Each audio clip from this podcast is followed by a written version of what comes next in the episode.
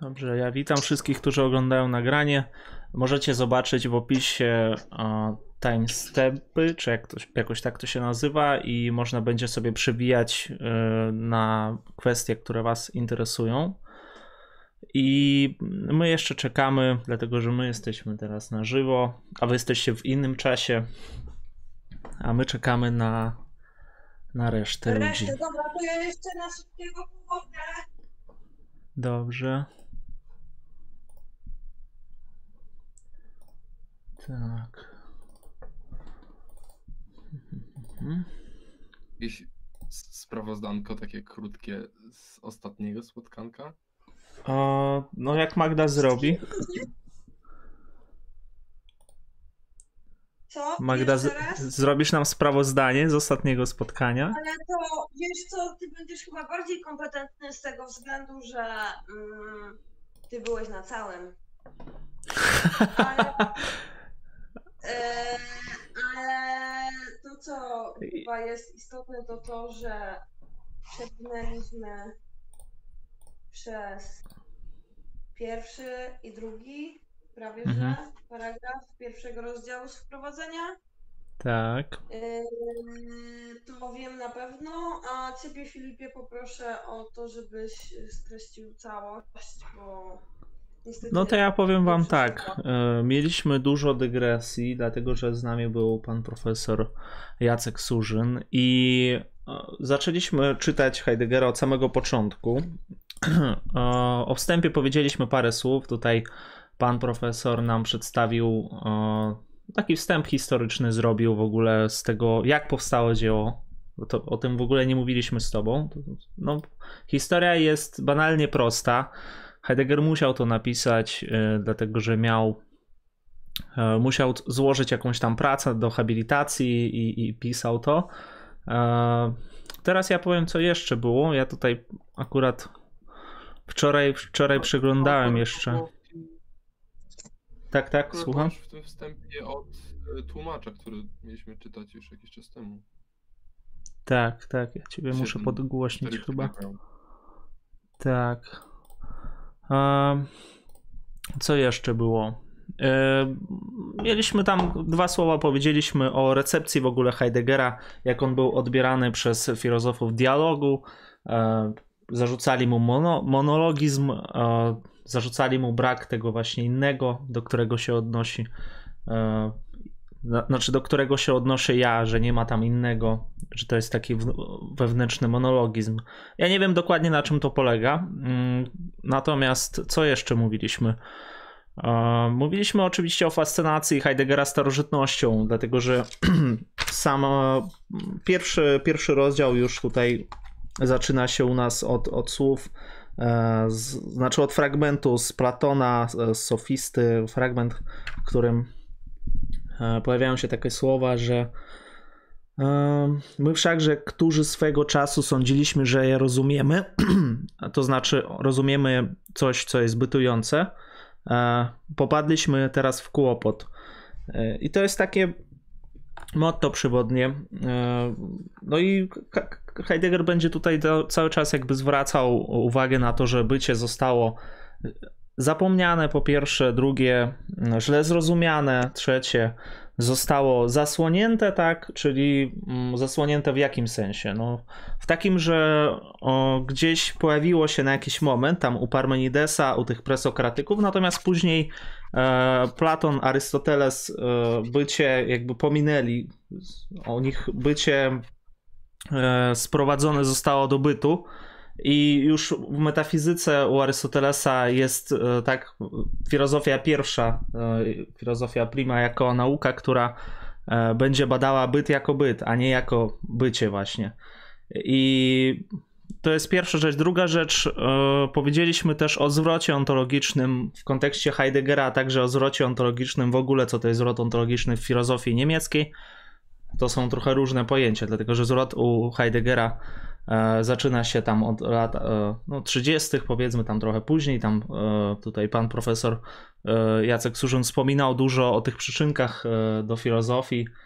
E, ty chyba czytałaś, Magdo, czytałaś przyczynki, tak? Czytaliśmy razem z profesorem na seminarium, poza tym sama się gdzieś tam wzięłam i leży u mnie na półce, leżą u mnie na półce przyczynki y, z wieloma oznacznikami. Niemniej nie podjęłam się próby y, opracowania teoretycznego y, tego dzieła, także myślę, że musiałabym je przeczytać jeszcze z pięć razy, żeby sobie je lepiej poukładać.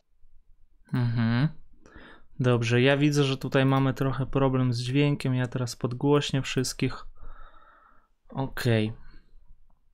A mnie słychać?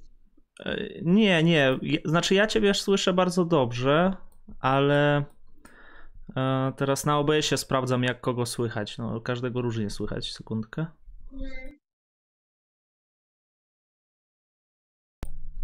Tak, tak, widzę właśnie tutaj nam e, już pan profesor nas ogląda. E, tutaj nam, czy można Magdę głośniej? Oczywiście, że można. Już to robię. Chyba coś tam A ja zrobiłem. nie widzę czata. Dlaczego ja nie widzę czata? Czat jest tylko na streamie i czat rozprasza generalnie. Natomiast jeżeli są jakieś pytania fajne w czacie, to oczywiście ja będę, y, ja będę czytał. E, Ty nie musisz jakby widzieć czata, widzisz czat na Discordzie.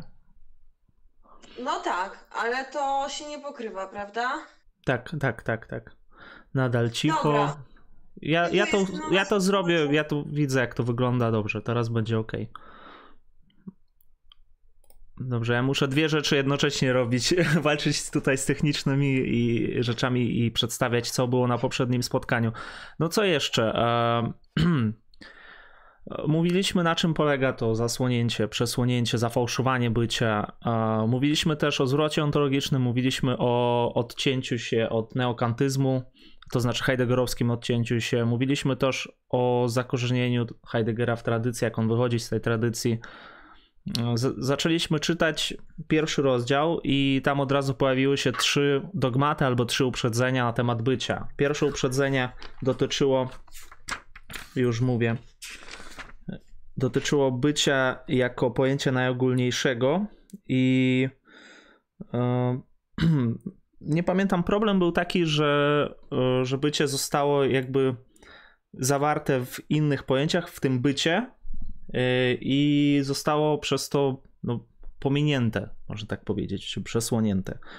E, Pierwsze być, bycie jako pojęcie najogólniejsze. No, tutaj problem był taki, że nie mogliśmy go mm, jakby wyekstrapolować z bytu. Nie było to takie jasne.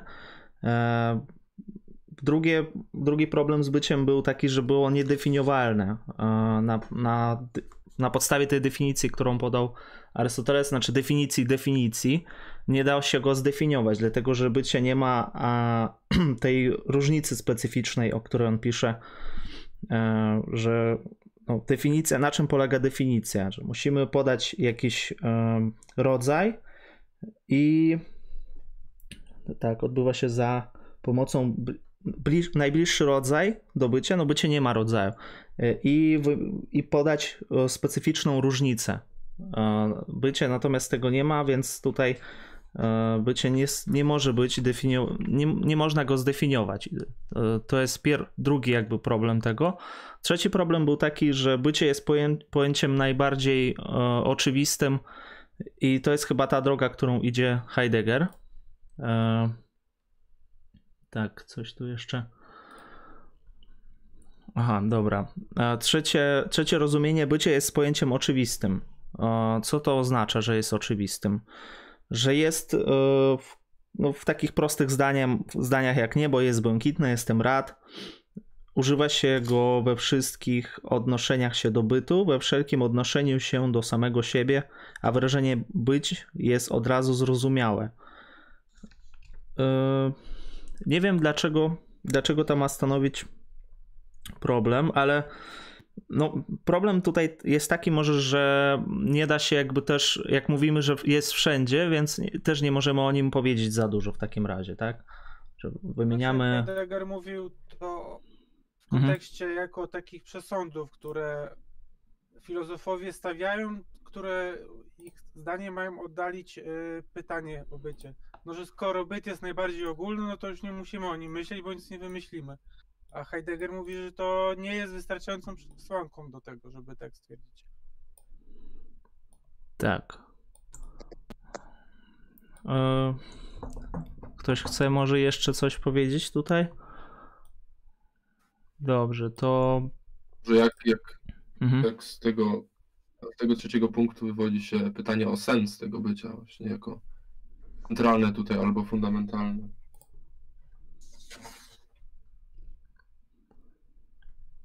No Heidegger może nie w tym fragmencie, ale używa takiego określenia, że bycie jest najbliższe i jednocześnie najdalsze. Przez to, że jest tak bliskie i tak oczywiste, yy, jest też zaciemnione i zakryte, że mamy trudny do niego dostęp przez to, jak jest bliskie i jak przenika całe nasze, całą naszą egzystencję.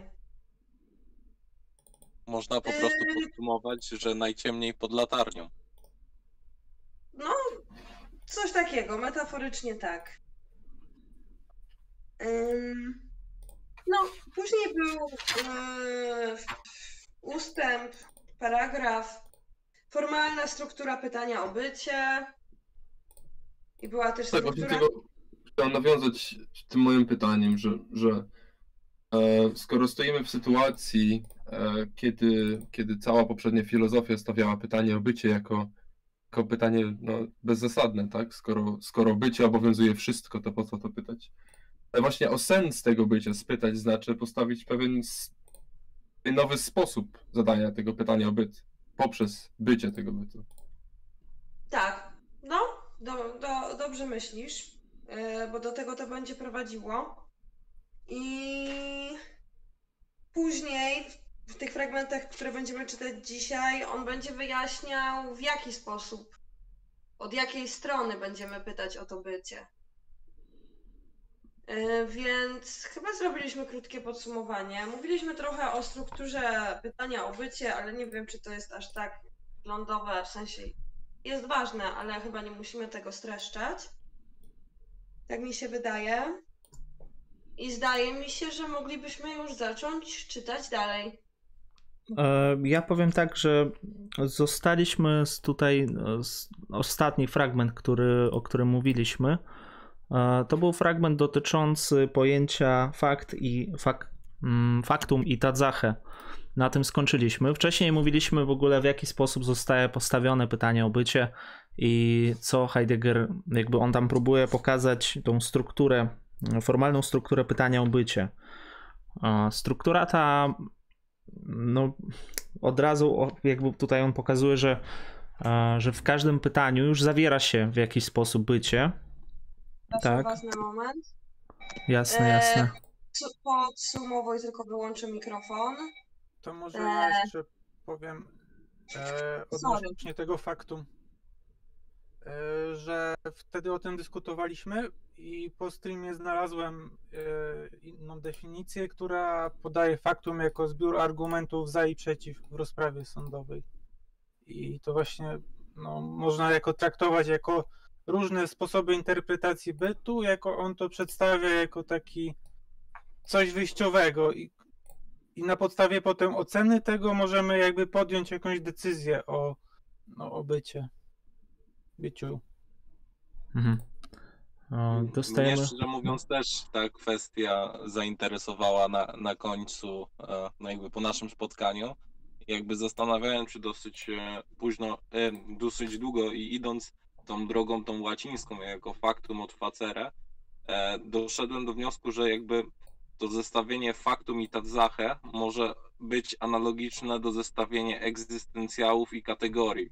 Czyli, że tym, czym tadzachę jest dla bytów które są e, w sposób nieegzystencjalny, tym jest e, faktum dla właśnie Dasein.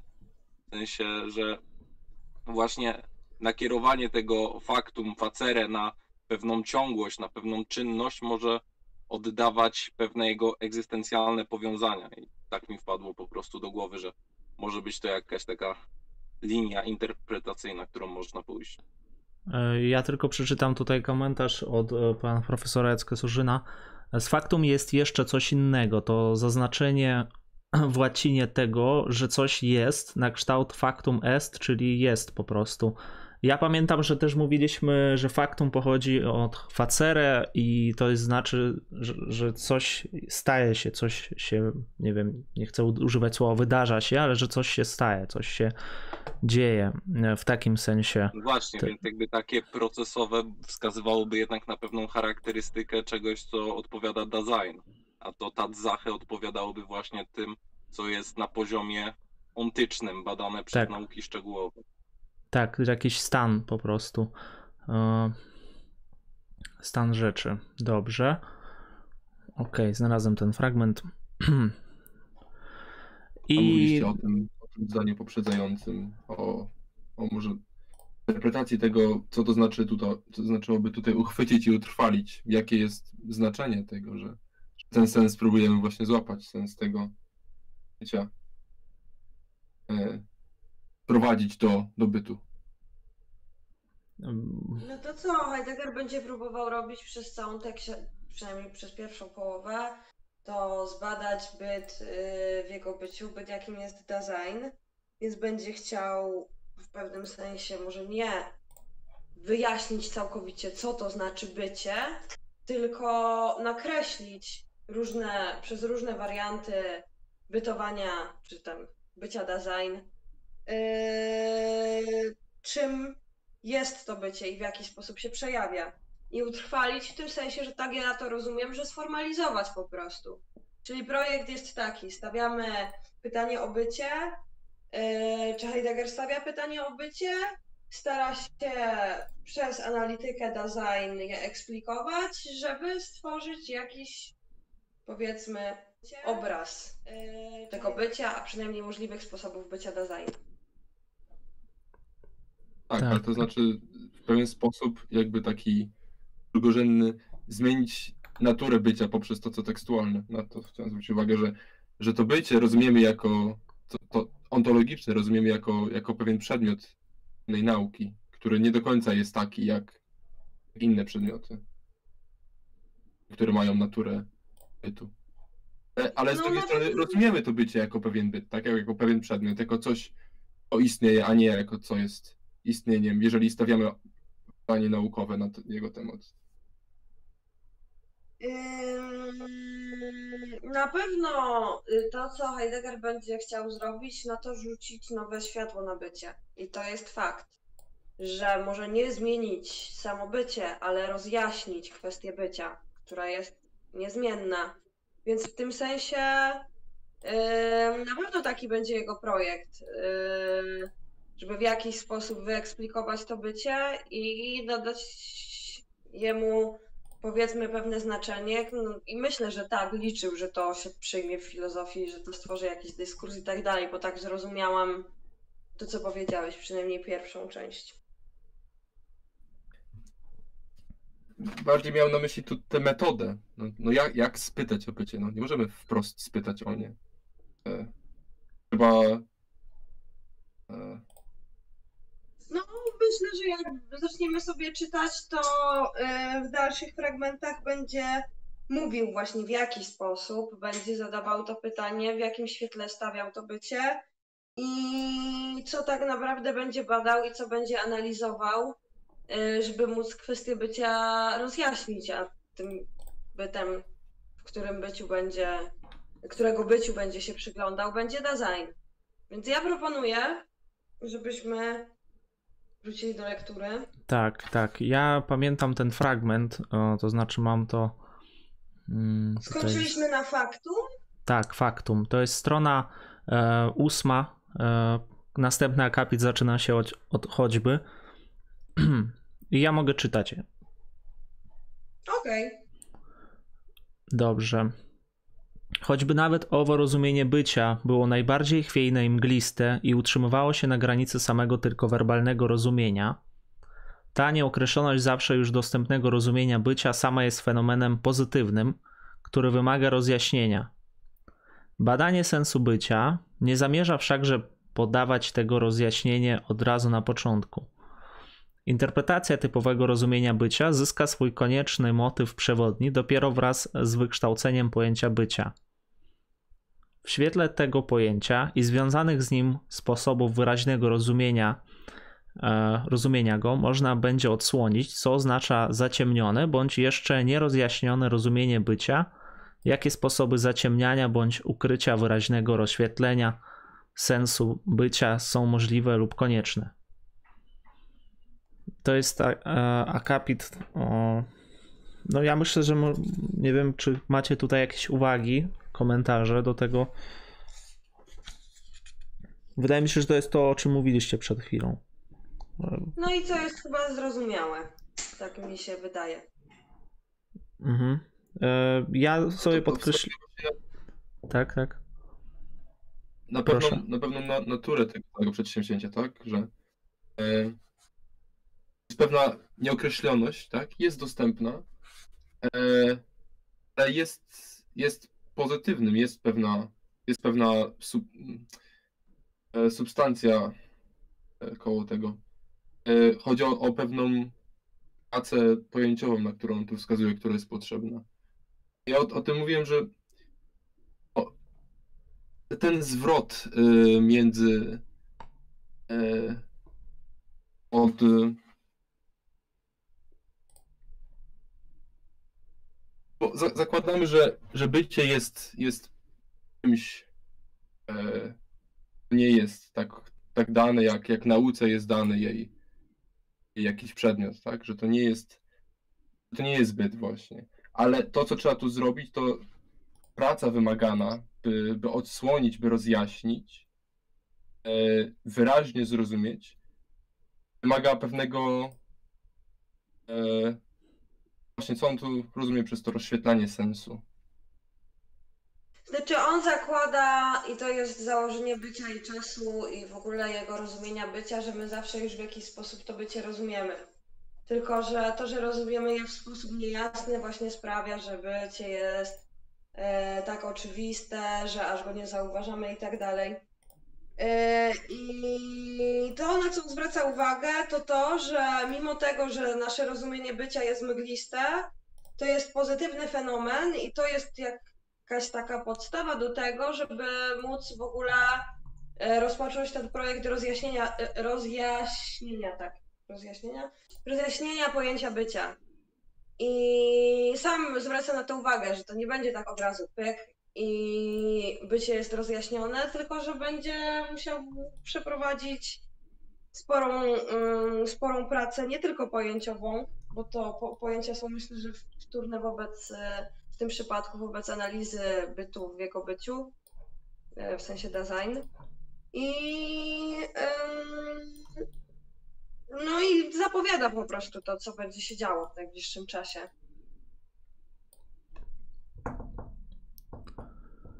Dobrze, to Czytamy ja dalej? muszę. Tak, tak, tak. Ja Y, mogę czytać. Dobrze, proszę bardzo. Typowe, niejasne rozumienie bycia y, mogą ponadto przenikać tradycyjne teorie i poglądy na temat bycia, i to w ten sposób, że zakryte pozostaną owe teorie jako źródła panującego rozumienia. To, co poszukiwane w zapytywaniu o bycie, nie jest całkiem nieznane, chociaż zrazu zupełnie nieuchwytne. To jest to, co powiedzieliśmy, że bycie yy, nie jest nieznane, ale jednocześnie nie da się go jakoś złapać, zwerbalizować i wskazać, o, to jest bycie. Dobrze, to jest. No i że e, to niejasne rozumienie Mhm. bycia przenika też różne teorie nam, ludzi nad światem. Yy, I że no, to on tutaj pokazuje, w sensie zwraca uwagę na to, że yy, takie wstępne, nierozjaśnione rozumienie bycia yy, jest niewystarczające, bo nieadekwatne po prostu do charakteru bycia, bo bycie też nie jest w taki sposób, że yy, że jest yy, powiedzmy całkiem zakryte i niedostępne, tylko że trzeba wykonać pewną pracę, żeby je sobie właśnie rozjaśnić. Dobrze. to Ja myślę, że- e, tak, mogę, mogę czytać sekundę. E, ustawiłem też, żeby było widać Tytkowskiego tutaj na streamie. Udało mi się. Dobra, tym o co pyta pytanie, i to było już. e, Sekundkę, to było to. Tym o co pyta, to było Gefrag, Gefraktes, czy już- tutaj zastanawialiśmy się nad sensem tego słowa dokładnie i pan profesor Jacek Surzyn nam to chyba dobrze wytłumaczył. To znaczy, jeżeli chodzi o samo tłumaczenie, mamy tutaj e, kogoś od niemieckiego, tak? Mm. An- Antonius? Czy ty jesteś z nami? Jestem z wami, tak, tak. Czy mógłbyś E, Ogólnie przypomnieć? profesor Surzyn nam e, wyjaśniał gdzieś, znaczy my się ogólnie zastanawialiśmy, wydaje mi się, że my nie doszliśmy gdzieś do takiego jednego takiego tłumaczenia e, tych trzech pojęć, ponieważ one są dość mocno bliskoznaczne i gdzieś z tego co pamiętam, e, wyróżni, muszę tylko wrócić do tej strony, sekundę. To jest na tej samej stronie, w sensie na poprzedniej.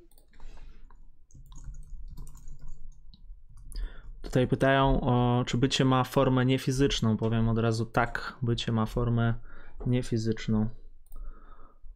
To sz- szóstej?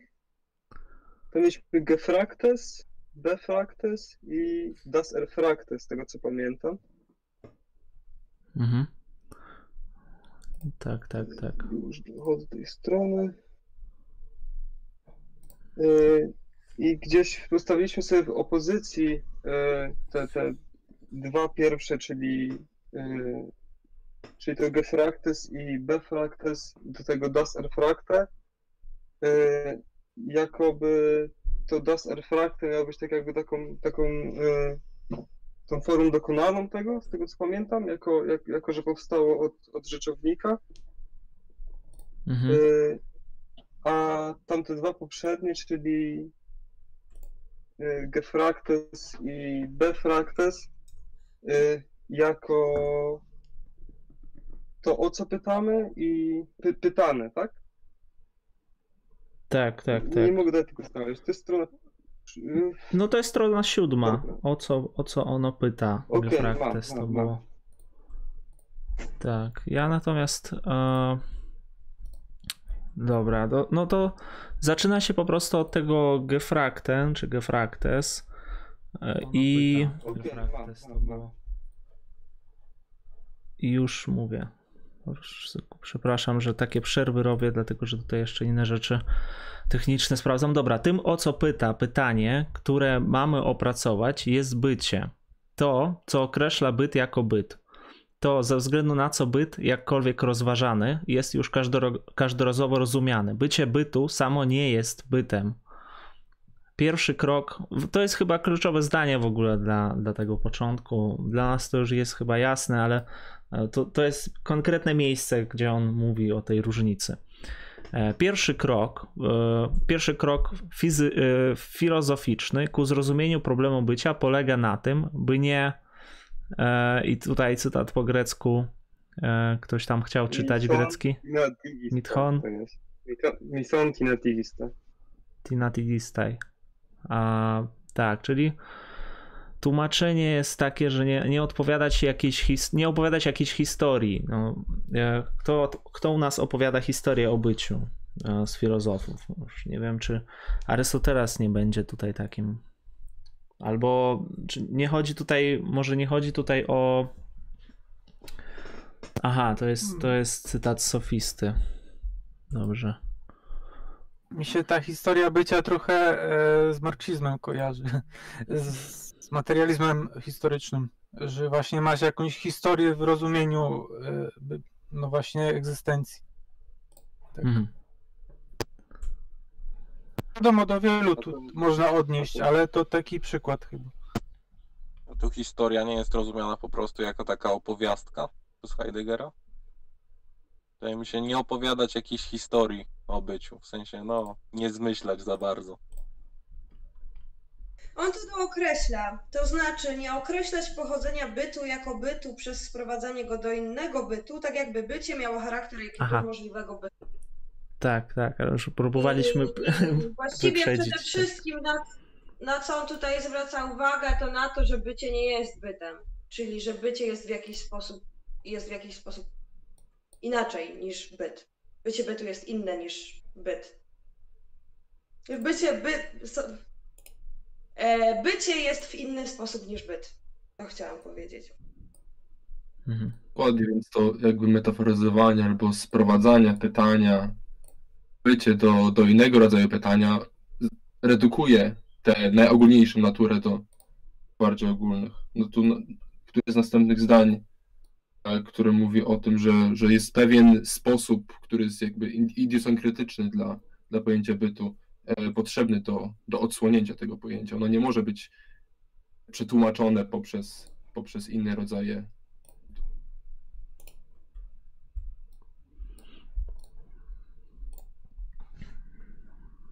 Co, jakiś komentarz? A... Dobra, no to wracając, e, znaczy to jest to, to drugie, tak, e, to drugie mm, przesłonięcie, ten drugi dogmat na temat bycia, od którego to się zaczyna. Chyba odno, odnośnie tego mm, tutaj powiedziałeś, to, że nie może być sprowadzone do jakiejś e, definicji, chyba o to tam chodziło. Bycie jako to, o co pytanie pyta. Wymaga więc własnego sposobu okazywania, które w sposób istotny różni się od odkrywania bytu. W związku z tym, to o co pytanie się dopytuje, i tutaj to się dopytuje, to oznaczało u nas. e, Das Erfragte. Efrak, tak, efrakta. Ha, sens bycia. Y, także będzie wymagać własnego układu pojęciowego, odróżniającego się znów w sposób istotny od pojęć, przez które określa się znaczenie bytu. Mm, No, czyli żeby dojść do tego bycia, to zaczynamy od poziomu bytu, tak? Jednak to opisywanie bycia będzie miało inną i strukturę pojęciową, i inną perspektywę filozoficzną niż badanie bytu. Mhm. I to jest dla mnie najistotniejsze w tym fragmencie. Yy, Będzie wymagać własnego układu pojęciowego, odróżniającego się znów w sposób istotny od pojęć, przez które określa się znaczenie bytu. I tu Heidegger w jakiś sposób legitymizuje to, że będzie używał tego słynnego, trudnego języka, tak mi się wydaje, bo jesteśmy, skoro opisujemy em, charakter bycia, który znacząco różni się od bycia bytu, od charakteru bytu, to potrzebujemy do tego nowych narzędzi, żeby móc to opisać. Y, Ja tylko tak odpowiem y, szybko, dla- dlatego że na YouTubie tutaj nas pytają takie no, chyba oczywiste rzeczy, bo to już jest czwarte spotkanie, pytają czy byty, bycie to nie jest to samo. Tak, to nie jest to samo, byt to jest poziom nauk pozytywnych, a bycie to jest e, to jest coś innego zupełnie, to jest poziom ontologiczny, to jest to, co warunkuje byt, to, co dzięki czemu byt w ogóle może być. Ja chciałem jeszcze tylko powiedzieć, e, że Mhm. to zdanie, które przed chwilą czytaliśmy, no to ono chyba będzie głównie zapowiada ten podział na egzystencjały i na kategorie. Myślę, że inaczej trzeba mówić o, o byciu, czyli mhm. w kategoriach e, w egzystencjałach, a inaczej o kurczę, jak się od, w zależności od tego, jak e, ustawię słowa, to to może być mniej zrozumiałe. Byt jest rozumiany poprzez kategorię, a bycie jest rozumiane poprzez egzystencjały. I wydaje mi się, że tutaj jest takie nie wprost zapowiedzenie tego podziału. Mhm. Tak, są super, e, super podział. Dobrze, to, to czytamy dalej, czy jeszcze macie jakieś tu uwagi do tego fragmentu? Ja bym poszedł dalej.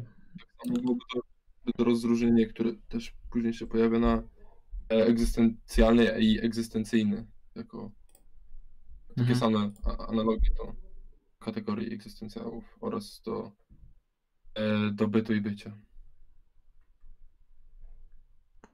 Czytamy?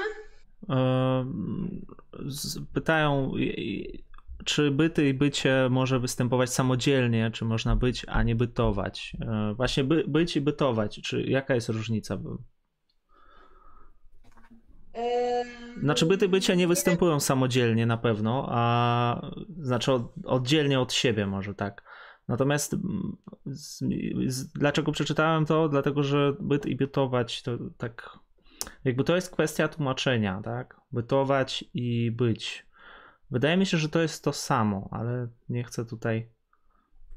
Yy, Ja myślę, że Heidegger raczej nie używa yy, określenia bytowania i rozgranicza na bycie i byt. I jeżeli ktoś myśli o bytowaniu, to myślę, że yy, myśli raczej o byciu bytu, co jest Mhm. generalnie ok w kontekście bycia, tak mi się wydaje, ale lepiej sobie wyłączyć, tak myślę technicznie po prostu to pojęcie, bo ono wprowadza niepotrzebny zamęt. Yy, szczególnie, że nie wiem, czy jest odpowiednik w języku niemieckim byto, bytowania, który by się Tak, różnił. To jest, to jest e, miesów, no, ale nie wiem, czy to po niemiecku jest miesów. E, Zajęte. Mhm. To to będzie byt. To Jeżeli jest dobrze. to, co, to, co by, bytuje. Znaczy, no, Będący. biorący zajęty, tak, będący. No to u Heideggera, jeżeli dobrze pamiętam, to jest das Zajęte jako byt i Sein jako bycie.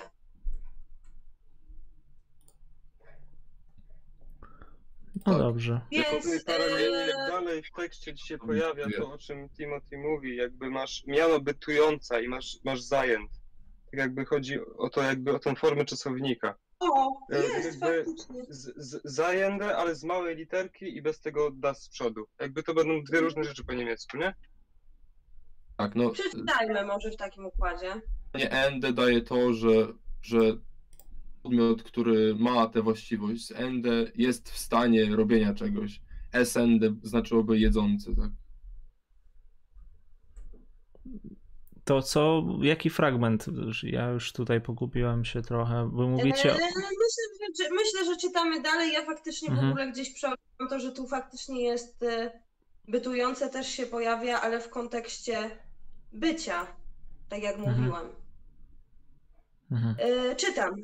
Skoro bycie stanowi to, o co pytanie pyta, a bycie znaczy bycie bytu, więc tym, czego zapytywanie dotyczy w pytaniu o bycie, okazuje się sam byt.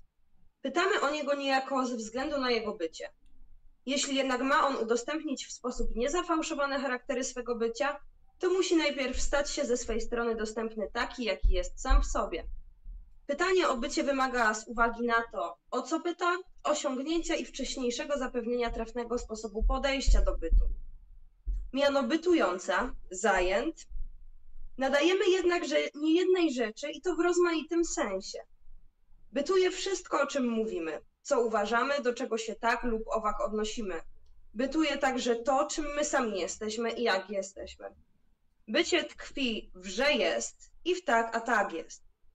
W realności, obecności, wor. E, nie będę czytać po niemiecku, że chcecie bardzo. E, dobra, to będę tutaj miała e, symultanicznych tłumaczy. Ciągłości. Bestand. Bestand. E, obowiązywaniu Geltung, istnieniu Dasein, wjezd dane es gibt, w którym, e, w którym bycie winniśmy odczytać sens bycia, od jakiego bytu winno wychodzić otwarcie bycia, czy punkt wyjścia jest dowolny, czy też przy opracowywaniu pytania o bycie pierwszeństwo ma jakiś określony byt, jaki jest ten egzemplaryczny byt i w jakim sensie ma on pierwszeństwo, i nie wiem, czy czytać dalej, czy się będziemy pochylać nad tymi tutaj konkretnymi zdaniami, e, bo zdaje mi się, że są zrozumiałe i moglibyśmy przejść do y, niejako odpowiedzi na te pytania, które kończą ten akapit. A Ja mogę zadać jedno pytanie? No jasne. Oczywiście. E, Mnie tak ciekawi to SGIPT, jakby jest dane, bo mniej więcej te słowa, które e, są wcześniej, albo pojawiają się potem u Heideggera, albo, e, albo są we wcześniejszej e, jakby filozofii niemieckiej, na przykład to obowiązywanie, czyli bycie wartości. A to jest dane, wydaje mi się, w sensie nie wiem za bardzo o co tutaj chodzi. Czy mogłabyś jakoś to wyjaśnić? Yy, a czy jest ktoś, kto zna lepiej niemiecki ode mnie i będzie bardziej źródłowo w stanie to wyjaśnić? Bo ja to tak rozumiem, jako po prostu rzecz, powiedzmy rzeczywistość, która jest nam dana w doświadczeniu. Tak ja to widzę, na poziomie powiedzmy ontycznym. Ale może to Egipt tutaj y, rzuca jeszcze jakiś nowy niuans na tę kwestię, więc jeżeli ktoś ma jakiś pomysł, to zapraszam. Tak. Ja się zgadzam, ale ja to ujął inaczej. Także to jest takie bycie skostniałe, czyli ten byt, który już był. Tak. Nie wiem. Tak, to się osobowo dane, jakby.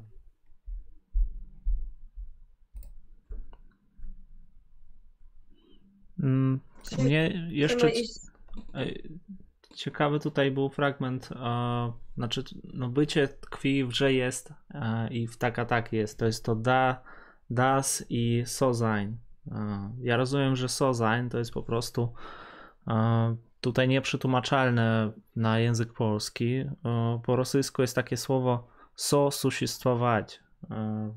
To, to bym, gdybym to przetłumaczył, to jest jakieś coś jest, no nie wiem, współbycie, czy chociaż nie można to tak tłumaczyć. Kurczę, nie wiem. To jest no, jakieś takie słowo, które, które chyba nie, nie wiem jak sozain, czy ktoś tu jest w stanie powiedzieć, jaka jest różnica pomiędzy tym sozain i, i, i sein. Znaczyłoby bezpośrednio, że tak jest. Mhm. Powiedział, że es ist, es die, die Dinge, die so sind das, są w taki sposób, że so mówi o, określa za no, jakiś sposób, jakiś modus.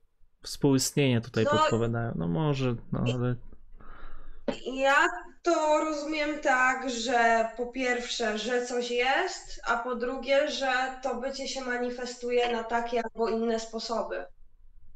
I tu chyba właśnie chodzi o ten sposób bycia, o którym mówisz. Tak to zawsze przynajmniej zrozumiałam, y, rozumiałam. Mhm. A to, że jest, to czym to się różni w zasadzie? Że jest, to znaczy. Fakt. To powiedzmy, nazwijmy to, To że tak to jakby, jest... jakby, jakbyś chciał to że zastąpić ponieważ, może coś tak, może to jakoś ułatwi, że tak jakby, jakbyś chciał przyczynę tego znaleźć. Mhm, mhm. Dobrze. Właśnie to, to rozumiałem jako w kategoriach, że coś jest i ma pewny, pewien sposób, w, w jaki jest. To, że, że, że jest, by wskazywało na, na tę faktyczność tego, że jest jako, jako byt, a, y, by wskazywało na to, w jaki sposób e, byt jest tym bytem. Mhm. sensie wydaje mi się, że profesor Surzyn e, tydzień temu wyjaśnił, że to chodzi o jakby taką tradycję średniowieczną, scholastyczną, że jak jest poznanie tego, że coś istnieje w ogóle i poznanie tego, jakie to ma, jaką ma istotę, jakie, e, czym się to charakteryzuje. I to jest właśnie taka różnica, że coś istnieje i jak to istnieje. Czyli ontyczny i ontologiczny wymiar. No ale jak ja bym to miała sprowadzić do takich prostych intuicji tego, jak ja to widzę, i to trochę tak sprowadzić na ziemię, no to yy, powiedzmy, jest sobie przede mną krzesło i stwierdzam fakt, że jest, a jeszcze mogę stwierdzić, na jakie sposoby jest. To znaczy, że ma taki i taki kształt, że ma taki i taki kolor i jest w takim a takim miejscu, więc gdzieś zawsze próbowałam sobie to sprowadzać do takich, przy po drodze się nauczyłam sprowadzać do takich prostych przykładów.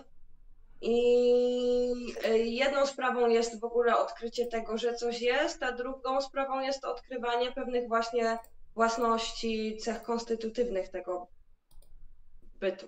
I tutaj w tym przypadku y, on zwraca uwagę na to, Heidegger zwraca uwagę na to, że coś jest, ale też coś jest na rozmaite sposoby. Tak y, upraszczając całą sprawę. No to wróćmy do tekstu może. Dobrze. To w takim razie ja tutaj mogę poczytać. Kurczę, a jednak tak się zastanawiałem o obecności, ciągłości. No dobrze, no, powiedzmy, że to będzie jeszcze wyjaśnione w tekście. E, Jeśli pytanie o bycie ma być postawione wyraźnie i mieć w pełni przejrzystą postać, to zgodnie z dotychczasowymi wyjaśnieniami opracowanie go wymaga eksplikacji sposobu wglądu w bycie, sposobu rozumienia i pojęciowego ujmowania sensu. Wymaga dalej przygotowania możliwości trafnego wyboru egzemplarycznego bytu, opracowania odpowiedniego sposobu podejścia doń. No tutaj chyba to wszystko zmierza w stronę tego design, tak? Tego Tak, tak, tak, dokładnie. Dobrze. E, Wgląd w coś, rozumienie i pojmowanie czegoś, wybieranie, podejście do czegoś to e, podejście do czegoś to zachowania konstytutywne dla zapytania, a także młodi bycia określonego bytu, tego bytu, którym my, stawiający pytania, sami zawsze jesteśmy. No tak jak mówiłem, że byt, w którym sami jesteśmy, to jest ten design, tak? Właśnie, czy design jest bytem? Tak, ale jest bytem wyróżnionym spośród Mhm. innych bytów. Mhm. Dobrze. Właśnie przez, tą, właśnie przez tą umiejętność odnoszenia się do własnego bycia. Mhm. Dobrze, to w takim razie może mogę dalej czytać. Chyba, że macie jakieś komentarze, to proszę wchodzić mi w słowo. Ja się nie obrażę. A okej. Opracować pytanie o bycie znaczy zatem uczynić przejrzystym pewien byt pytającego w jego byciu. No to mamy kontynuację tego Mhm. Stawianie tego pytania jest jako modus bycia pewnego bytu samoistotowo określone przez to, o co to pytanie pyta, przez bycie. Byt, którym zawsze my, e, z którym zawsze sami jesteśmy i którego bycie ma, między innymi możliwość zapytywania, ujmujemy terminologicznie jako jestestwo. No i tam jest, tam są uwagi tłumacza. E, możemy zobaczyć, co tutaj mamy. Pierwsze to jest możliwość. Tym terminem. Mhm. Aha, no. E, no, było słowo, znaczy był wyraz, możliwość zapytywania. E, Mhm. no, tutaj w ogóle jakby jest, jest takie dosłowne tłumaczenie byciową w analogii do bytowej, możliwość zapytywania, że ona jest byciowa, możliwość zapytywania. Co to znaczy? Mm, Co jednak brzmi Byciowe rażąco. jest to, co wpłynie wprost z bycia i z jego struktury, a także Mhm. to, co się na nią wprost orientuje. No tu zwraca uwagę na to, że jesteśmy ontologicznie ukonstytuowani, ukonstytuowani w taki sposób, że jesteśmy w stanie zadawać pytanie o bycie. Ja niestety znowu na Jasne, jasne, dobrze. A, tak, no drugi, mm, drugi ten termin, e, czy druga uwaga e, dotyczy design. No to już mm, rozmawialiśmy o tym, czy to jest dobre tłumaczenie, czy nie. E, Nie wiem, czy warto się powtarzać.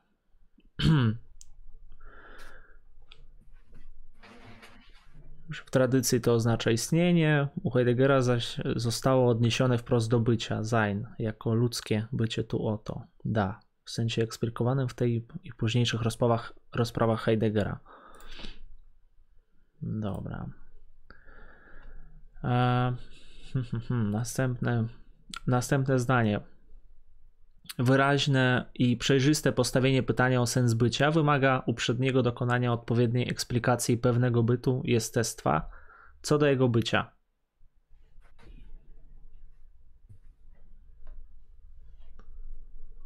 No, czyli mamy w zasadzie nie wiem, czy tutaj wymaga to komentarza, jakby każde zdanie. No, wydaje mi się, że to jest wszystko spójne.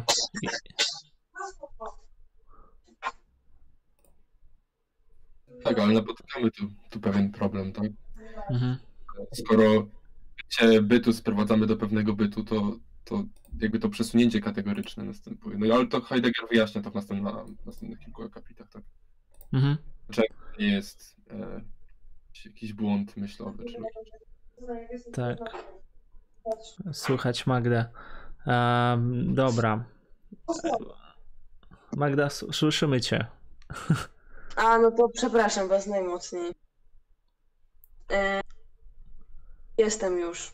Okej. No, to następne zdanie. Wyraźne i przejrzyste postawienie pytania o sens bycia wymaga uprzedniego dokonania odpowiedniej eksplikacji pewnego bytu. No to, to już przeczytaliśmy, dobra. Czy jednak e, takie przedsięwzięcie nie popada w oczywiste błędne koło? Natomiast trzeba określić byt w jego byciu, by potem na tym e, dopiero gruncie stawiać pytanie o bycie.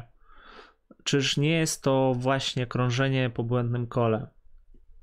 Czy przed opracowaniem pytania nie jest już założone to, co winna przynieść dopiero odpowiedź na nie?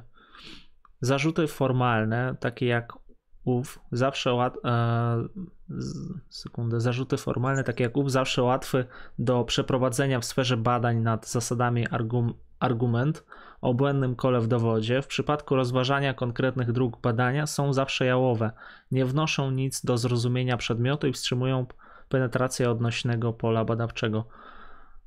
O, no co tutaj można z tego wywnioskować? Jakby jak on unika zarzutu, to jest ciekawe. Jaki jest No problem? jakby się tłumaczy tutaj trochę, Mhm. że, żeby, żeby nie zarzucać właśnie tego błędnego, przy- przynajmniej ja, to tak rozumiem, że tak jakby przed tym, zanim zaczął ten wywód, już się wytłumaczył z zarzutów, które gdzieś sam by mógł sobie wcześniej, wcześniej tam wysunąć, czy przewidzieć, jakie mogłyby zarzuty zostać wysunięte wobec niego. Mhm. To znaczy nie tyle przed, tylko już nawet po, gdyż jakby te zarzuty mogą się odnosić do tego właśnie faktu naszego e, wcześniejszego, mętnego rozumienia bycia. I właśnie u Heideggera e, ma to taki sens, że jakby to ulepszanie naszego rozumienia bycia jest pewnym procesem, który jakby ciągle powraca i co pójdziemy do przodu, to musimy się cofnąć i zastosować to, co e, to, co dowiedzieliśmy się, do niemal tego samego i da nam to troszkę inne wnioski. I tutaj jakby pokazuje, że mm, opieranie się na takich e, logicznych e, argumentach przeciwko błędnemu kołu nie jest e, jakby odpowiednim zarzutem do badania takiego, którego on się podejmuje, gdyż nie jest to po prostu wywodzenie z przesłanek pewnych wniosków, tylko jest to badanie takie fenomenologiczne, do którego takie rzeczy nie powinny się stosować. No ale też można to, tak jak przedmówca mówił, traktować jako taki wybieg albo no, takie zabudowanie się przed e, krytyką. Okej, f- fajnie. Jakby też się jakby totalnie zgodzę, nie, nie zauważyłem tego punktu wcześniej. On w takim razie od, odpowiada tu na, na pytanie, które sam sobie postawił, o kolejność nazywania, o kolejność tworzenia tych pojęć. I on mówi, że no tak, że tego, e, że pojęcia, e, żeby, Heidegger mówi, że żeby określić byt e, w byciu jako, jako jestestwo, e, żeby, żeby zadać pytanie o byt, trzeba najpierw określić byt jako jestestwo. E, ale to nie, nie zmienia. Ta kolejność nie zmienia natury tych pojęć. Że one nie są tak, jak powiedział przed chwilą Dawid. Jakby derived jeden z drugiego. One nie muszą być e, geno- genealogicznie poukładane i taki zarzut co do ich, e, do ich pierwszeństwa nie odbiera nic e, zasadności nazw, które nadał. Ja jeszcze tylko podziękuję tutaj za donate, który dostałem. Dzięki bardzo. Wesołych świąt, dziękujemy. I, i tak. Że nie popadamy, no unika tego zarzutu. Natomiast dalej, w następnym fragmencie, już jak idziemy dalej, w, w porządku faktycznym, ten porządek faktyczny to jest ten porządek Tadzache, tak? Zaczyna się akapit, akapit od porządku faktycznego. Ja nie wiem, czy on się tutaj y, do tego odnosi, bo tu jest w porządku faktycznym jednak opisane, tu stawianie pytań nie zawiera wcale błędnego koła. Mhm. Nie wiem, czy tutaj chodzi o. Fa- nie, nie sądzę, że tu chodzi. Barana, e, w tym, sorry, że ci przerwałem, przepraszam. Proszę. E, W tym tłumaczeniu Barana, jak, e, on, jak się odwołuje do tych pojęć, które wcześniej zdefiniował, one są zazwyczaj kursywą zapisane, a tutaj, tutaj tego nie ma. Więc wydaje mi się, że, że będziesz miała rację z tym, że jakby to jest osobna sprawa. Że nie chodzi o faktyczność w sensie y, ontyczność, taką bliską codzienność, y, tylko o faktycznym sensie, y, że, że rzeczywiście. Ym, W sensie, przeciwnie do formalnego, tak jak krytykował ten właśnie, że zarzut błędnego koła się stosuje do jakby takich formalnych e, wniosków, no to tutaj jednak faktycznie, przy faktycznym badaniu nie odnosi się ten zarzut błędnego koła. W Mhm. sensie, wydaje mi się, że to może chodzić o takie zestawienie. Mhm.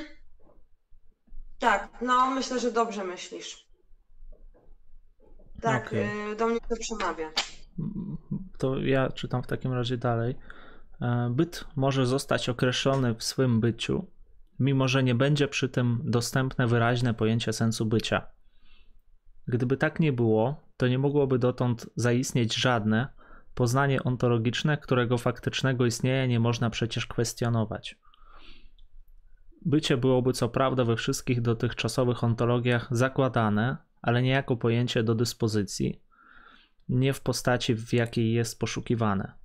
Zakładanie bycia ma charakter uprzedniego wejrzenia w bycie, mianowicie takiego, że na tej podstawie dany z góry byt zostaje prowizorycznie wyartykułowany w swym byciu. Rozumiecie te, te, te, te kilka fragmentów? W sensie, czy macie jakieś e, interpretacje, dlatego że dla mnie, no dla mnie szczerze mówiąc, nie są może jasne. Gdyby. y, Że to, żeby te, ten pierwsze zdanie byt może, e, może zostać określony w swym byciu, mimo że nie będzie przy tym dostępne wyraźne pojęcie sensu bycia. To jest chyba zrozumiałe. Mhm. Natomiast dalej, gdyby tak nie było, to nie mogłoby dotąd zaistnieć żadne poznanie ontologiczne, którego faktycznego istnienia nie można przecież kwestionować. Tutaj chyba chodzi o wcześniejsze systemy metafizyczne, że nawet e, pomimo, że nie było jakiegoś e, rozumienia bycia, to jakby no nawet teraz w tym momencie rozprawy Heidegger nie ma e, pełnego rozumienia bycia, ale ma rozumienie prowizoryczne, które przysługuje każdemu Dasein. I przez to, że mamy to prowizoryczne rozumienie bycia, jest możliwe w ogóle jakakolwiek refleksja natury metafizycznej czy tam ontologicznej. Tak przynajmniej mi się wydaje, nie wiem. Mnie się też wydaje, że on zwraca też uwagę na, na taką bardziej ogólną uwagę, że y, jak możemy badać, moglibyśmy badać cokolwiek e, przy założeniu, że nie moglibyśmy tego robić, jeżeli mielibyśmy nierozjaśnione jakieś pojęcie i że każda ontologia, metafizyka dochodzi do pewnych pojęć, które rozjaśnia, których na początku być może w pełni nie rozumie i że to jest dosyć normalne, że są rzeczy, których być może do końca nie rozumiemy, ale już w jakiś sposób są nam dostępne i jesteśmy w stanie je e, badać, mimo tego, że nie mamy jasnego pojęcia. Że to się odnosi w ogóle do wielu rzeczy. Że nie tylko konkretnie chodzi o to bycie, bycie, tylko w ogóle o to, że my jako ludzie e, mamy zdolność do tego, żeby badać i problematyzować kwestie, które są dla nas niejasne. Czy to zaczynamy od m- myśleć o jakichś prostych naukach szczegółowych, które dopiero zwracają, na początku zwracają na coś uwagę, a później badają i pogłębiają wiedzę. Tak samo tutaj, y, to, że bycie nie jest jasne, jawne i zrozumiałe, to wcale nie sprawia, że nie można go analizować i badać. I myślę, że te, Twoja uwaga jest bardzo fajna, ale ja bym się skłaniała ku temu i zostanie mi w głowie na pewno, E, ale mam wrażenie, że tu po prostu w ogóle zwraca uwagę na taki fakt, że e, zawsze jest tak, że przecież badamy rzeczy, których jeszcze do końca nie znamy. Zgadzam się, bo jakby w tym zdaniu, które przed chwilą przeczytaliśmy, chodzi o poznanie ontologiczne, nie? I ono by Mhm. mogło wskazywać na takie właśnie e, coś szerokiego, ale w następnym zdaniu już jest, że we wszystkich dotychczasowych ontologiach. I Mhm. no, wtedy to już właśnie może na początku chodzi o coś ogólnego, a po, później to się za, zawęża. Bo wspom- wspomina, że bycie było co prawda we wszystkich dotychczasowych ontologiach zakładane, ale nie, nie jako pojęcie do dyspozycji, nie w postaci, w jakiej jest poszukiwane. Mhm. Czyli wydaje mi się, że Heidegger tutaj mówi, że jakoś to bycie było obecne jako pojęcie w poprzednich koncepcjach filozoficznych, ale on próbuje znaleźć trochę inaczej rozumiane bycie. Tak? Mhm. Więc m- możliwe, że w sensie by obie nasze uwagi były e, dobre, tylko że odnosiły się do dwóch różnych zdań. Mhm. Zgadzam się. No to fajnie. O, Czytamy? dziękuję. A no tak, mów, mów. tak, tak. Bym zapytał o to, co było w tym poprzednim kapicie, mianowicie ten, e, porządek zapytywania o byty i zapytywania o bycie. Bo Heidegger mówi, że, że tutaj potrzebne jest zapytanie o byt, żeby pytać o, o bycie tego bytu, tak? Ale skoro bycie stanowi o, by, o, o bycie, bycie stanowi o bycie, tak? Mhm. o. Roz... Rozumiecie, o jaki kierunek mi chodzi? Że e, kiedy pytamy o, o byt, żeby zapytać o, o bycie tego bytu, to, to pojęcie bycia jest tu wciąż jakby wewnątrz, wewnątrz pytania o byt. Ale no, nie- ma innego sposobu, żeby zapytać o to bycie, jak nie poprzez, przez byt, o którym to bycie stanowi. Które to bycie konstytuuje. Który. No tak, on zwraca przynajmniej na tym e, etapie swojej filozofii, zwraca uwagę na to, że żeby w ogóle rozjaśnić kwestię bycia, no to musimy zapytać o bycie jakiegoś bytu, ponieważ ciężko mówić, czy w ogóle być może w- e, właściwie chyba tutaj zakładał, że nie ma bycia bez bycia bytu, więc e, samo pojęcie bycia nie jest e, nam dostępne i jego sens nie jest jawny, ale za to możemy badać byt w jego byciu, co może nam dać jakieś pozytywne wnioski na temat tego, czym jest to bycie. Pozytywne poznawczo w, w sensie. Mhm. I ontologicznie. Summa summarum później też. To ja, ja bym przeszedł do następnego e, fragmentu. tak. E, Było, bycie było co prawda we wszystkich dotychczasowych ontologiach zakładane, e, ale nie jako pojęcie do dyspozycji, nie w postaci, w jakiej jest poszukiwane. Zakładanie bycia ma charakter uprzedniego wejrzenia w bycie, mianowicie takiego, że na tej podstawie dany z góry byt zostaje prowizorycznie wyartykułowany w swoim byciu. E, To ukierunkowujące wglądanie w bycie wyrasta z przeciętnego rozumienia bycia, rozumienia, w obrębie którego zawsze się już poruszamy i które ostatecznie zależy, e, należy do istotowego ukonstytuowania samego jestestwa. Ja myślę, że warto tutaj mm, zastanowić się, bo to jest podkreślone kursywą. e, to znaczy to osta- ostatni ten fragment, które ostatecznie należy do istotowego ukonstytuowania samego jestestwa. Ukierunkowanie, jeszcze raz może zdanie, ca- całe zdanie przeczytam, to ukierunkowujące wglądanie w bycie wyrasta z przeciętnego rozumienia bycia, rozumienia w obrębie którego zawsze się poruszamy i które ostatecznie należy do istotowego ukonstytuowania samego jestestwa. To znaczy, że ja mm, powiedzmy mam jakieś wyobrażenia o sposobie e, swojego bycia i tak zawsze w obrębie jego, jego się poruszam.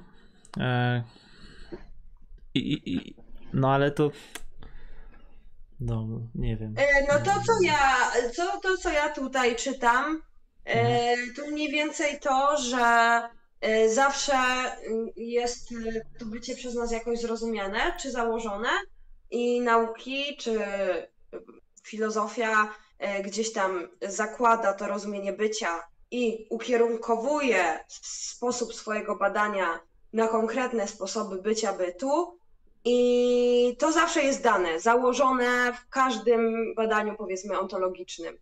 Eee, I on na co on tutaj zwraca uwagę w tym zdaniu, które ostatecznie należy do istotowego ukonstytuowania samego jestestwa, to on zwraca uwagę na to, że mimo tego, że to pojęcie bycia nie jest jasne ani nie jest oczywiste, jest em, istotowym elementem każdego, każdego designu. I jeszcze tutaj wtrącę notę metodologiczną dla osób, które może e, to wprowadzać w błąd.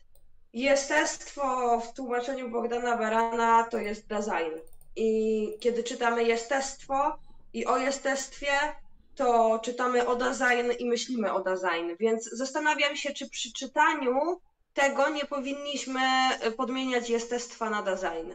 Żeby to było bardziej klarowne. dobrze, dobrze, to będziemy podmieniać. E, więc to, co, na co on zwraca uwagę, to to y, i to, co jest y, italikiem tutaj zaznaczone, e, to jest to, że zawsze już w jakiś sposób ten przeciętny i prowizoryczny rozumiemy jakoś to bycie. I tutaj wracamy do tego, że to, że jakoś je rozumiemy, już warunkuje to, że jest możliwe jakiekolwiek badanie ontologiczne. Mhm. Dobrze, dobrze. No, może niepotrzebnie tutaj zrobiłem przerwę, bo to nie było takie trudne, jak, jak myślałem. A, te, proszę, ktoś jeszcze coś chciał? Że Mhm. to prowizoryczne rozumienie jest zasadnicze dla, dla bycia każdego. Dla każdego design to jest pewna fundamentalna cecha. Właśnie tak. I to, to jest założenie całego bycia i czasu i kwestii rozumienia, że e, design już zawsze w jakiś sposób rozumie bycie, mimo że w sposób niejawny i nieoczywisty. Mhm. Tylko, że to bycie nie jest zapoznane. Ono jest i e, z góry warunkuje możliwość w ogóle jakiegokolwiek, nazwijmy to teraz też prowizorycznie poznania. E, Niemniej e, ono nie jest nigdy wprost wyartykułowane. E, ale to, że właśnie jest takie niejasne przed. No ja już wybiegam w, trochę do przodu, ale mm, powiedzmy przedpojęciowe rozumienie bycia e, to jest coś, co jest istotowo wpisane w bycie każdego designu. Czyli każdy z nas już w jakiś sposób rozumie to bycie i rozumie powiedzmy to jest, które jest w każdym zdaniu i tak dalej. Eee, Niemniej nie potrzebujemy, yy, żeby żyć, rozumieć czym jest to bycie. Ale zawsze już wiemy, w jaki sposób rozumiemy czym jest.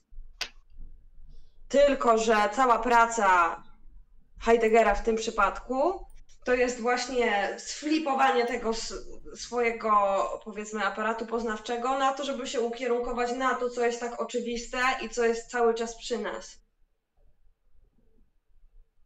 Eee, I tego nie jesteśmy się w stanie wyzbyć, no bo w jaki sposób moglibyśmy zapytywać o sens bycia, czy w ogóle badać cokolwiek, eee, gdybyśmy nie zakładali z góry tego bycia. W Mhm. każdym zdaniu jest ukryte bycie. Jestem taki, jestem z kimś tam, jest pogoda i tak dalej. Rozumiemy to. Niemniej nie wiemy, czym jest bycie. Nie jesteśmy w stanie go uchwycić. No tak. Czytamy dalej? Czytamy. Takie zakładanie nie ma nic wspólnego z przejmowaniem jakiegoś aksjomatu, z którego dedu- dedukcyjnie wywodziłoby się, wywodziło, wywodziłoby się ciąg twierdzeń. Błędne koło w dowodzie nie może w ogóle mieć miejsca przy stawianiu pytania o sens bycia, gdyż w odpowiedzi na to pytanie nie chodzi o uzasadnienie czegoś przez wywód, lecz o odsłonięcie podstawy i ukazanie jej. To jest koniec akapitu. Dlaczego błędne koło nie może w ogóle mieć miejsca przy stawianiu pytania bycia o sens? E, Z tego względu, że on próbuje rozjaśnić sens w ogóle tego, że tego jakie jest bycie, więc gdyby nie to, że już w ogóle ja w jakiś sposób zakładamy to bycie, nie byłoby możliwe w ogóle jakiekolwiek prowadzenie wywodu. Tak ja to rozumiem. Mhm. A też może, może ten charakter tego bycia, że to jest coś, coś dane nam bezpośrednio, że to nie jest coś pochodzone z czysto teoretycznego, formalnego języka, ale to jest coś, coś naocznego w jakiś sposób. Tak, i to jest coś, co y, y, to jest coś, co w ogóle y, warunkuje możliwość jakiejkolwiek logiki, jakiegokolwiek wywodzenia, dowodzenia i tak dalej.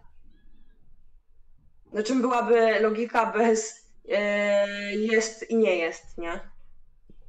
Mhm. Więc on pyta o to jest. I co to jest, to jest. Więc to jest, powiedzmy, nazwijmy to wyższy poziom abstrakcji w tym sensie błędne koło nie dotyczy tego, o czym Heidegger mówi, z tego względu, że to jest na innym poziomie niż po prostu jakiś, wy, jakiś wywód, jakieś dowodzenie.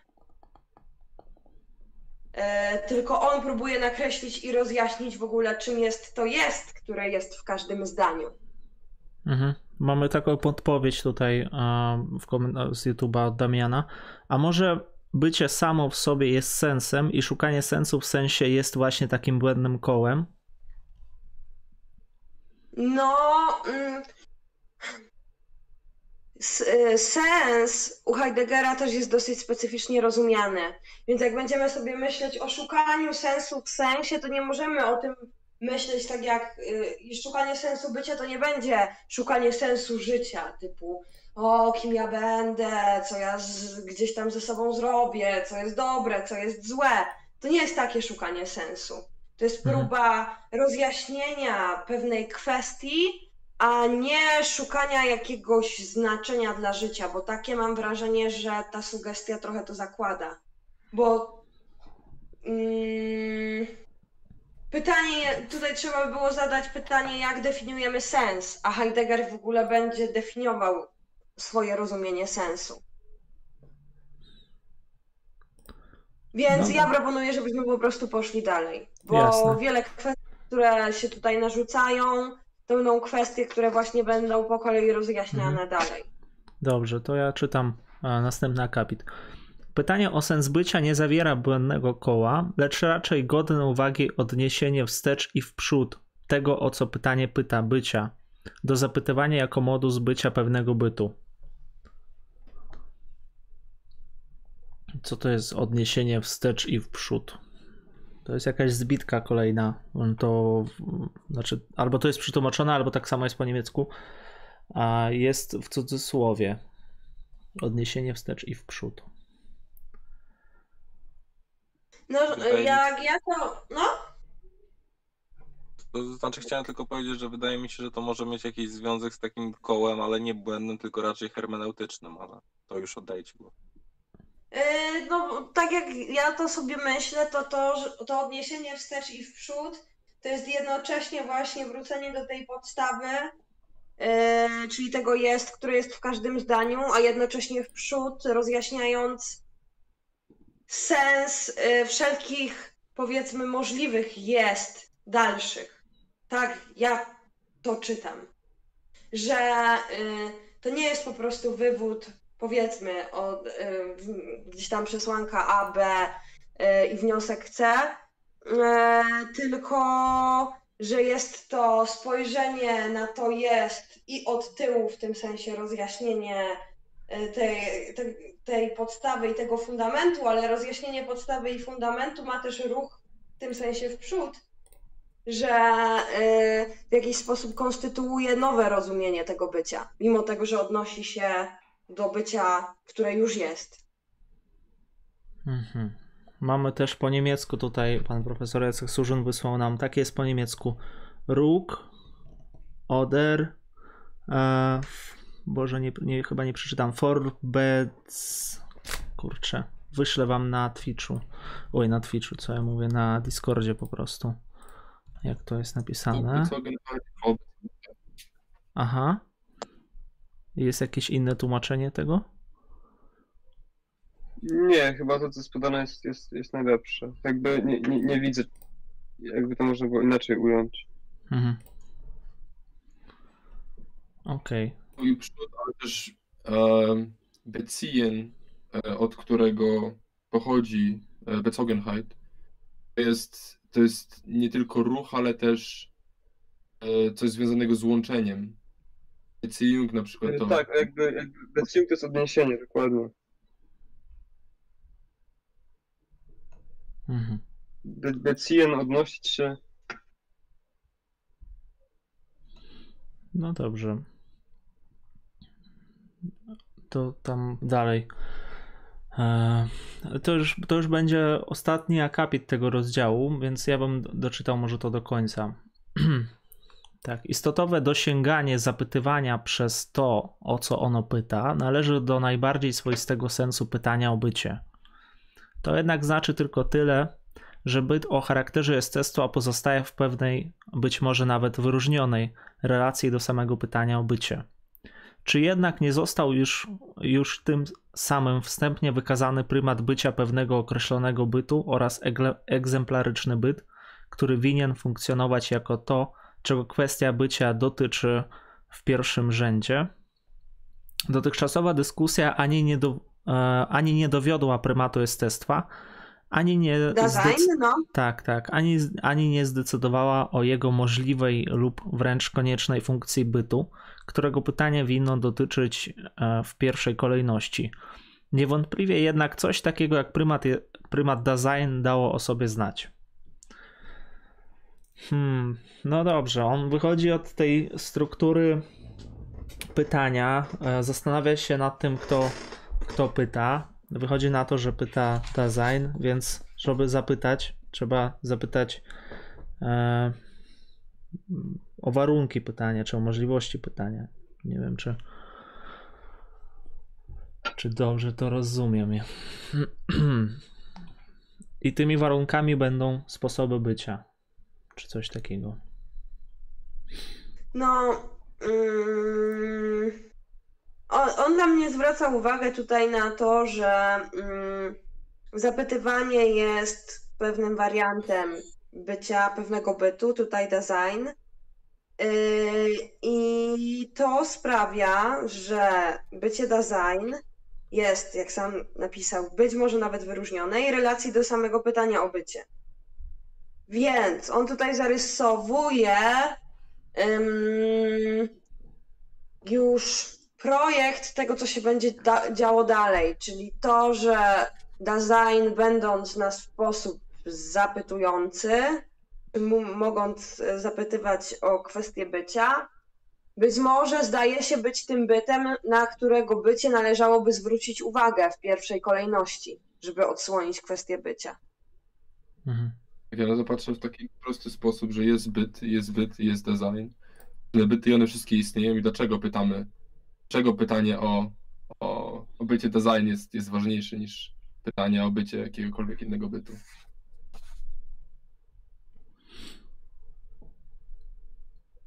Właśnie dlatego, że No, to on ma tutaj- ma pytania, tak. I ja bym No, jeszcze. tak. No. No, Mamy tutaj komentarz od, od, profesor, od profesora Jacka Surzyna. Design można tłumaczyć jako przebywanie. Prze i bywać sein da. E, i- tam wcześniej jeszcze był komentarz, że po rosyjsku to jest mm, też prisuctwie, to znaczy obecność, ale to już w ogóle ten rosyjski tłumacz to chyba za daleko poszedł z tym tłumaczeniem.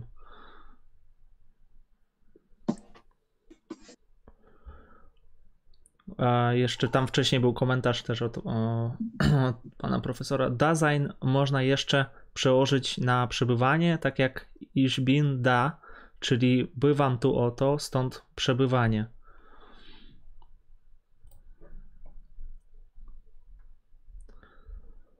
Jeśli mogę coś zaproponować, to może przejdźmy do tekstu, bo jakby Mhm. te wszystkie kwestie dla, jakby poruszone pod koniec tego Tak. rozdziału zostaną wy, wy, wyjaśnione w tych dwóch następnych paragrafach. Dobra, dobra. No, z- to próbujemy przewidzieć pewne rzeczy, e, interpretując te- ten tekst. To znaczy, no, one się pojawiły, to zdecydowanie, Tak, ale tak. wydaje mi się, że łatwiej je będzie zrozumieć po prostu idąc Mhm. za tekstem. Zgadzam Nie się. wiem, jak tam, jak wam Zgoda. się wydaje. Zgoda, tak. zgoda. No to fajnie. Ontologiczny, no trzeci podrozdział, ontologiczny prymat kwestii bycia. Oparta na formalnej strukturze, na formalnej strukturze pytania jako takiego charakterystyka kwestii bycia uwydatniła swoistość tego pytania. Okazuje się, że opracowanie go, nie mówiąc już o odpowiedzi, wymaga szeregu fundamentalnych rozważań.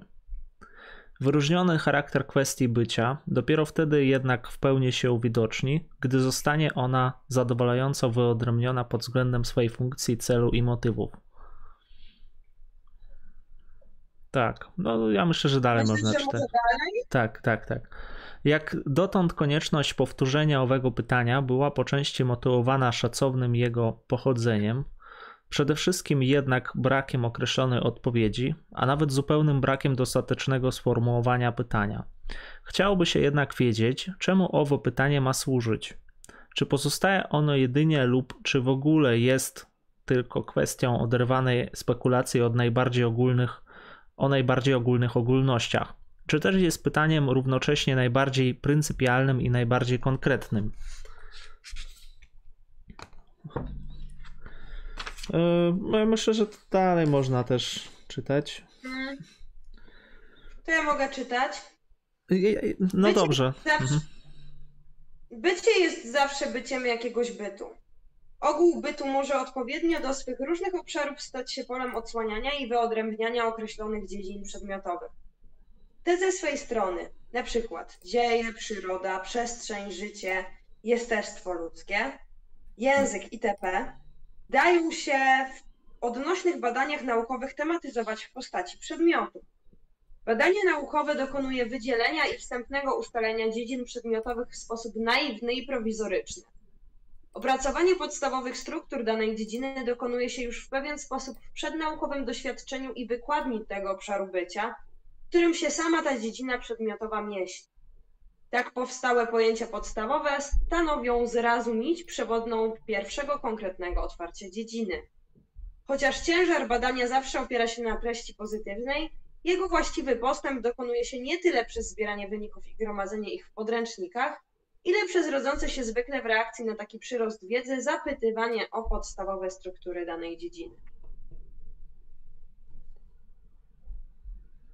Okej. Jakieś No. komentarze? Pierwsze zdanie może być odpowiedzią. Nie wiem, czy ta osoba nadal ogląda streama, ale pojawiło się to pytanie, czy bycie może występować bez bytu. No to tutaj pierwsze zdanie tego fragmentu to bycie jest zawsze byciem jakiegoś bytu. No to Mhm. wydaje mi się, że to jest dosyć wprost odpowiedź. I dla Tak tylko chciałem. istnienia zawsze istnieje jakiś byt, który ma to istnienie. Mogę to przedstawić kwantyfikatorem. No i on zwraca też uwagę na to, że to, że bycie jest zawsze byciem jakiegoś bytu, sprawia, że nauki szczegółowe mogą wyodrębniać pewne byty i w jakiś sposób je nazywać i tematyzować. Eee, Niemniej jednak według niego to jest niewystarczające. Eee, To znaczy mówi, że robi to w sposób naiwny i prowizoryczny, ponieważ nauki szczegółowe są skoncentrowane na bycie bytów, a jeszcze jako, że to są nauki szczegółowe, to na bycie określonych bytów, określonego typu bytów, yy, to zaciemnia się to pytanie o bycie.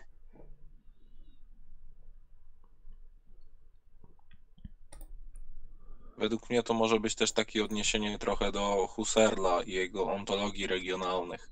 W sensie właśnie wskazanie na e, wymienienie tych wszystkich rzeczy, które istnieją w różnych e, no, naukach, czyli jakby na poziomie ontycznym, ale jednak mający podstawy pewne ontologiczne, czyli dzieje, przyroda, przestrzeń, życie, jestestwo i język, Dasein w sensie. No to to wydaje mi się, że pokazuje e, je- jednak pewne pozostałości po Husserlu, ale e, będzie to inaczej ujęte, no bo jednak e, Heidegger chce pokazać, że ten poziom ontologiczny jest tym determinującym w jakiś sposób nasze w ogóle podejście do tematyzowania, czyli tego, no jakby u niego tematyzowanie to się głównie chyba odnosi, z tego co pamiętam, do właśnie poziomu ontycznego nauk szczegółowych. Też ja, ja w tym widziałem, nie wiem czy to dobra intuicja, ale widziałem pewien stosunek do takiego, do, do kantyzmu, do pytania, czym jest oświecenie. I tu, tu Heidegger mówi, że oświecenie to nie jest to, nam, co, co powinno być kierunkiem, znaczy pytanie o oświecenie nie powinno być kierunkiem filozofii. Będzie ważna kwestia w powojennej filozofii, ale e, chodzi o to, że widać tu pewien sposób krytyczny stosunek jego do, do tego działania, które ma na celu gromadzenie pewnej wiedzy o tych pytach szczegółowych, w przeciwieństwie do, do tego pytania e, o, o fundamentalną ontologię. Tak, Madzia, ty wiesz coś o, o jego stosunku do oświecenia? Yy, No, generalnie powiedzmy, że jego stosunek do nauk szczegółowych, yy, mm, on tutaj, on tutaj gdzieś to zresztą dalej wyjaśnia, że mimo tego, że ciężar tych nauk yy, gdzieś tam spoczywa na właśnie wynikach jakiejś takiej twardej wiedzy, to według niego to, co jest największym postępem, to nie te wymierne efekty i wyniki i rezultaty, ale te pytania, które się rodzą względem y, podstaw danej dziedziny, no nie wiem, e, powiedzmy pytaniem takim głównym biologii nie są te właśnie szczegółowe informacje, tylko czym jest życie, czego na przykład biologia, na, na co biologia nie odpowiada, nie? Mhm. Konkretnie. W To znaczy, sensie- wydaje mi się, że jak przejdziemy do tych dwóch następnych fragmentów, to to się też wyjaśni, nie? Bo tu właśnie Mhm. mu, mu, będzie o tym kryzysie podstaw. Mm, Ja to widzę pytanie. ta, tak, że na przykład jak badamy ewolucję, prawda, to łatwo możemy tak wpaść w taki właśnie schemat, że jakby odkryjemy jakieś zależności i na podstawie tych zależności próbujemy na przykład w jakiś darwinowski sposób określić życie. Czy, czy w prawie na przykład też tak może być i myślę, że on, Heidegger mówi tutaj, że najpierw musimy jakby spytać, czym jest bycie, żeby potem wyprowadzić jakieś, dopiero badać jakby te zależności i odnosić te zależności do bycia, a nie odwrotnie. Nie wiem, ja tak lubię trochę spłycać, żeby tak każdy jakoś to zrozumiał i tak nie wiem, czy to mm, rezonuje z wami. No, ja myślę, że jest to okej rozmowanie. Ja też muszę wam powiedzieć, że staram się was słuchać, ale też próbuję czytać dalej, bo Mhm, y, mhm. nawet bo na świeżo, na świeżo y, wzięłam sobie tę lekturę i nie czytałam sobie przed jej. E, a ostatni raz czytałam te fragmenty y, już jakiś czas temu. Także myślę, że warto wrócić do tekstu, bo faktycznie jest tak, że Yy, że już nie wyjaśnią, co mu w tym chodzi. Jasne, więc... to ja mogę następny akapit przeczytać. Właściwy ruch nauk ma miejsce w toku mniej lub bardziej radykalnej i dla siebie samej nieprzejrzystej rewizji podstawowych pojęć. Poziom y, jakiejś nauki określa się przez to, jak dalece dopuszcza ona kryzys swoich pojęć podstawowych. W takich wewnętrznych kryzysach nauk ulega e, zachwianiu sam stosunek pozytywnie badającego zapytywania do spraw, których ono dotyczy. Wszędzie pośród rozmaitych dyscyplin ożywiły się dziś tendencje do opierania badań na nowych fundamentach. No to, co tam wspominaliście o tych fundamentach nowych, że nauki przeżywają kryzys, szukają nowych fundamentów. Od tego też e, zresztą no, to, o czym Husserl pisał też o kryzysie właśnie w naukach. E, I w, ciekawe zdanie natomiast, które tutaj można się zastanowić nad tym, poziom jakiejś nauki określa się przez to, jak dalece dopuszcza ona kryzys sw- pojęć podstawowych. E, Czyli, żeby nauka się rozwijała, to no, powinien być jakiś kryzys wewnętrzny, żeby, żeby było, jakby, żeby pojawiały się jakieś nowe miejsca, e, które, do których ona może zmierzać, czy coś takiego. Czy dobrze to e, rozumiem? Jak zawsze zapytam Was. Wydaje mi się, że chodzi o samą dopuszczalność, czyli jakby taką autorefleksyjność danej dziedziny. To jak ona rewiduje pojęcia, którymi się posługuje, e, które są zaczerpnięte też z jakiejś tradycji, z tym, co jest możliwe za pomocą dzisiejszych obserwacji. Myślę, że takim. Tutaj będą też e, oczywiście przykłady w następnym e, fragmencie, ale no, wydaje mi się, że takim najbardziej przejrzystym przykładem jest zrezygnowanie w języku fizycznym z pojęcia materii, które zostało po prostu. No, nie używa się już pojęcia materii tylko było, nie wiem, chyba tam na przełomie XIX i XX wieku e, próbowano je zastąpić energią, ale w gruncie rzeczy już jakby materia została zarezerwowana tylko dla rozważań takich e, ontologiczno-filozoficzno-metafizycznych, a teraz fizycy już nie używają e, słowa materia w badaniu swoich e, rzeczy, więc to był właśnie taki przykład takiego kryzysu, że jakby e, posługiwali się e, tym pojęciem materii, ale zrozumieli, że w tych obserwacjach w sumie nie są w stanie poznać tego, e, tej samej materii, więc no, skoro nie możemy, to czemu zakładamy takie rzeczy? A skoro jest to nieuprawnione, no to trzeba z tego zrezygnować. No ale wydaje mi się, że to lepsze przykłady da sam Heidegger później. Mhm. Tutaj też e, piszą, e, w energii się określa i informacji. Materia to też forma energii. Nie wiem, Em, co, myślę, co że powiedzieć. Mamy, mimo wszystko chciałabym powiedzieć coś mądrego, ale nie jestem fizykiem Mhm. i e, fajnie, że są ludzie, którzy e, się na tym znają, ale ja bym wróciła do filozofii po prostu, bo tak, Cześć, no, Ty, Tytkowski Tytkowski, tak, tak, tak. Aha, a co on uciekł? No tak, już nie wiem, co się stało tak nagle. Aha, muszę spadać, proszę Państwa, dziękuję. Dobra, to było papa. tak. Eee, Co my robimy? Dobrze. Kontynuujemy? Znaczy, ja bym jeszcze, chyba wróć- jeszcze kontynuował. Nie wiem, jak wy macie jeszcze siły, chęci e, do To tego. nie, nie, skończmy ten Chcę ci skończyć dzisiaj. ja zapytałam, czy, czy ten, czy czytamy dalej. Ja jestem za, tak, czytamy. No tak, tak. Dobra, to może następny, następny akapit. Na pozór najbardziej ścisła i najbardziej spójna nauka, matematyka, popadła w kryzys podstaw. Między formalizmem a intuicjonizmem toczy się walka o uzyskanie i gwarancję zasadniczego sposobu przejścia do tego, co miałoby być przedmiotem powyższej nauki. W fizyce teoria względności wyrasta z tendencji do wydobycia wszechzwiązku samej przyrody i sposobu, w jaki istnieje on w sobie.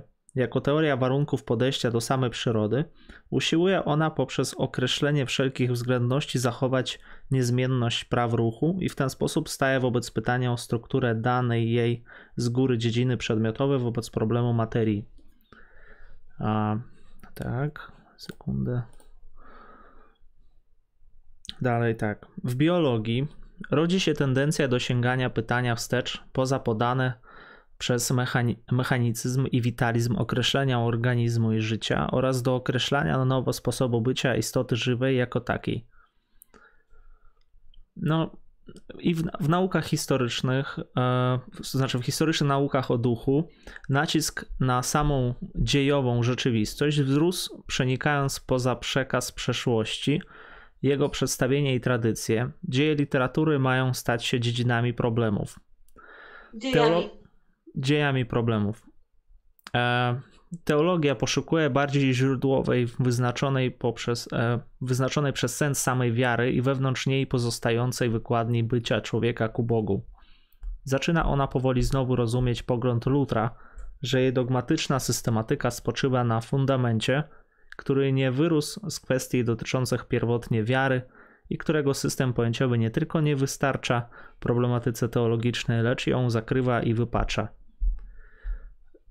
Dobra. Mamy kryzys podstaw w fizyce, matematyce, tak, biologii Mhm. i w historycznych naukach o duchu e, i teologii. No, nie wiem do czego tu się odnieść. Ja znów to jest historia, historia nauk. O, ktoś tutaj może coś nam skomentować, coś powiedzieć więcej.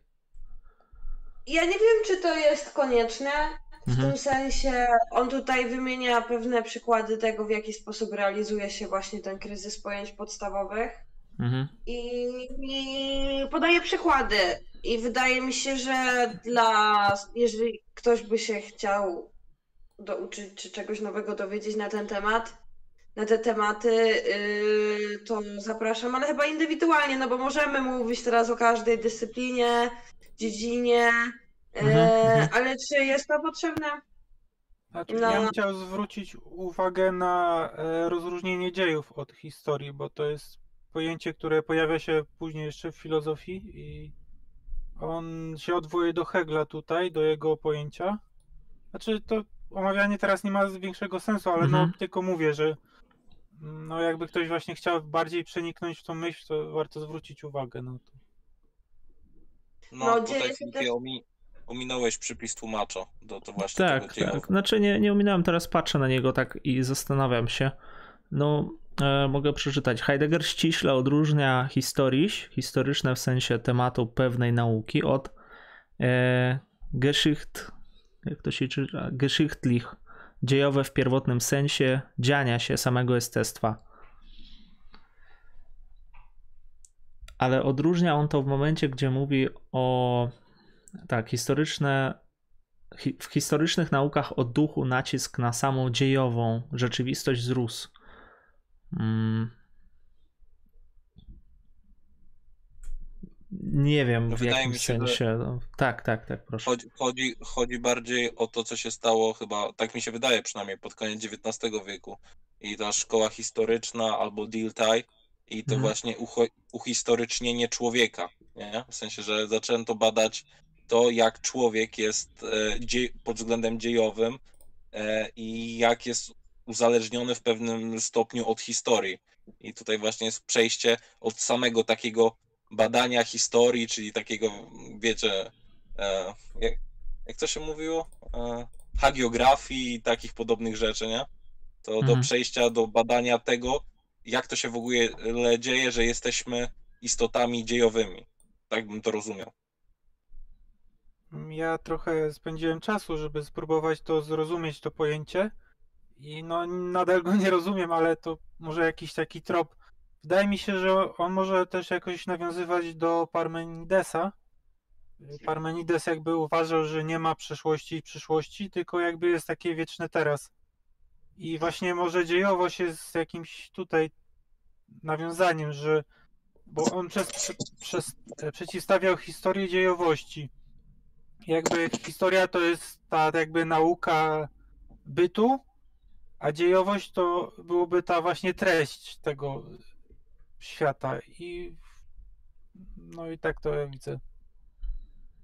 Ale to w takim razie nie Ogólnie wygląda na kryzys. Jakby tak No. spojrzeć z, tego, z, tego, z, z, tej, z, z, z tej płaszczyzny językowej, tak jakby wydaje mi się, że ten przypis jest po to, żeby zauważyć, że e, to pojęcie geschichtlich i historycz to tak jakby nie jest to samo, mimo że na polski tłumaczymy to i to jako historię.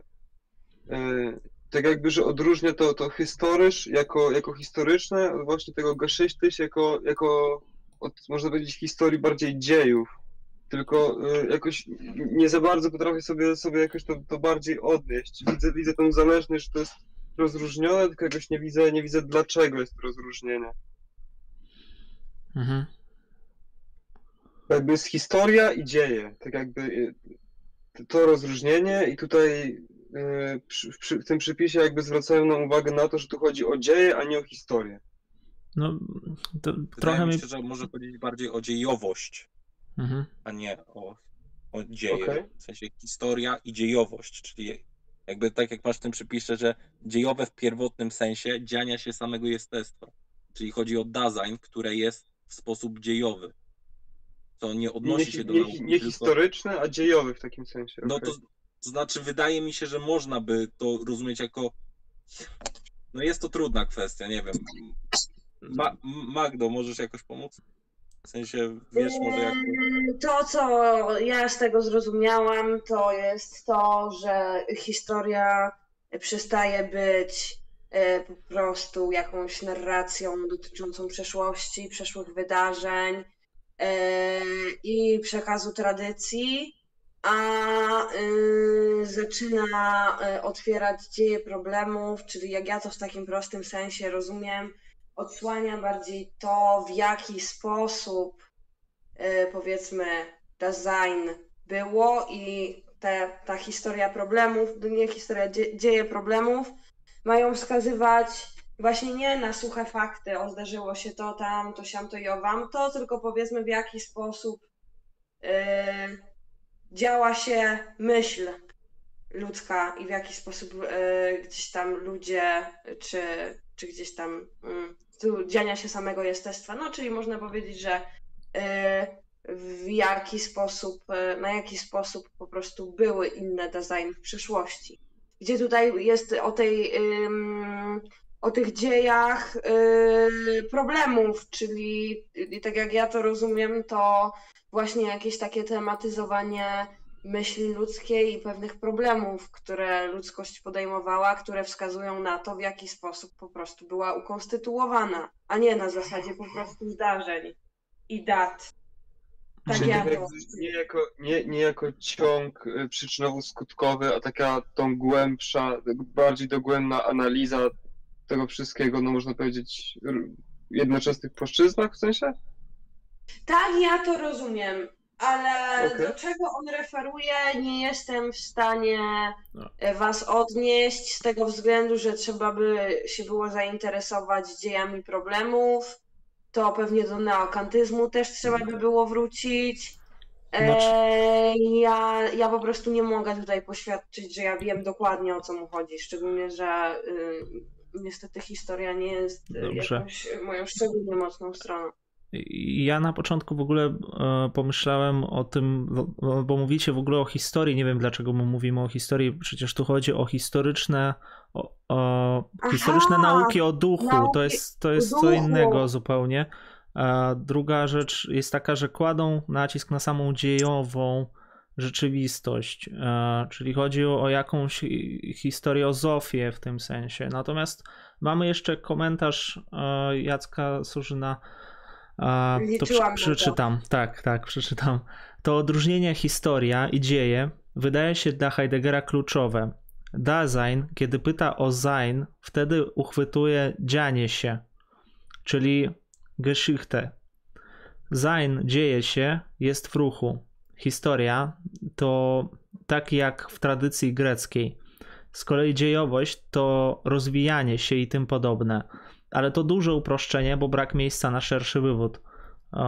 Znaczy, ja rozumiem, że historia. Po na grecka historia to, to czy to nie będzie historiografia, czy chodzi o, o rozumienie historii Greków jako właśnie o tą koncepcję czasowości cykliczną?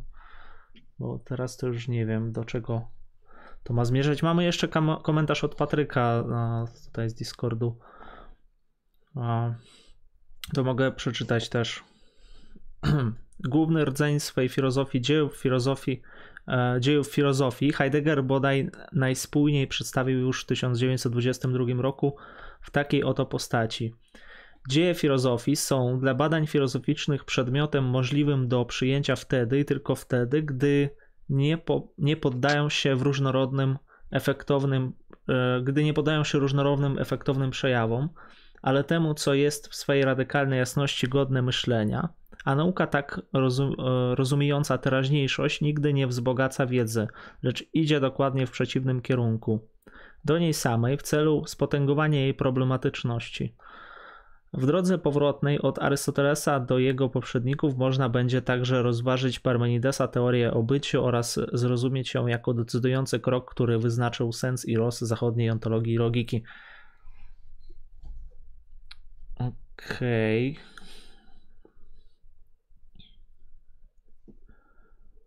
Teraz trzeba to przetworzyć jeszcze raz.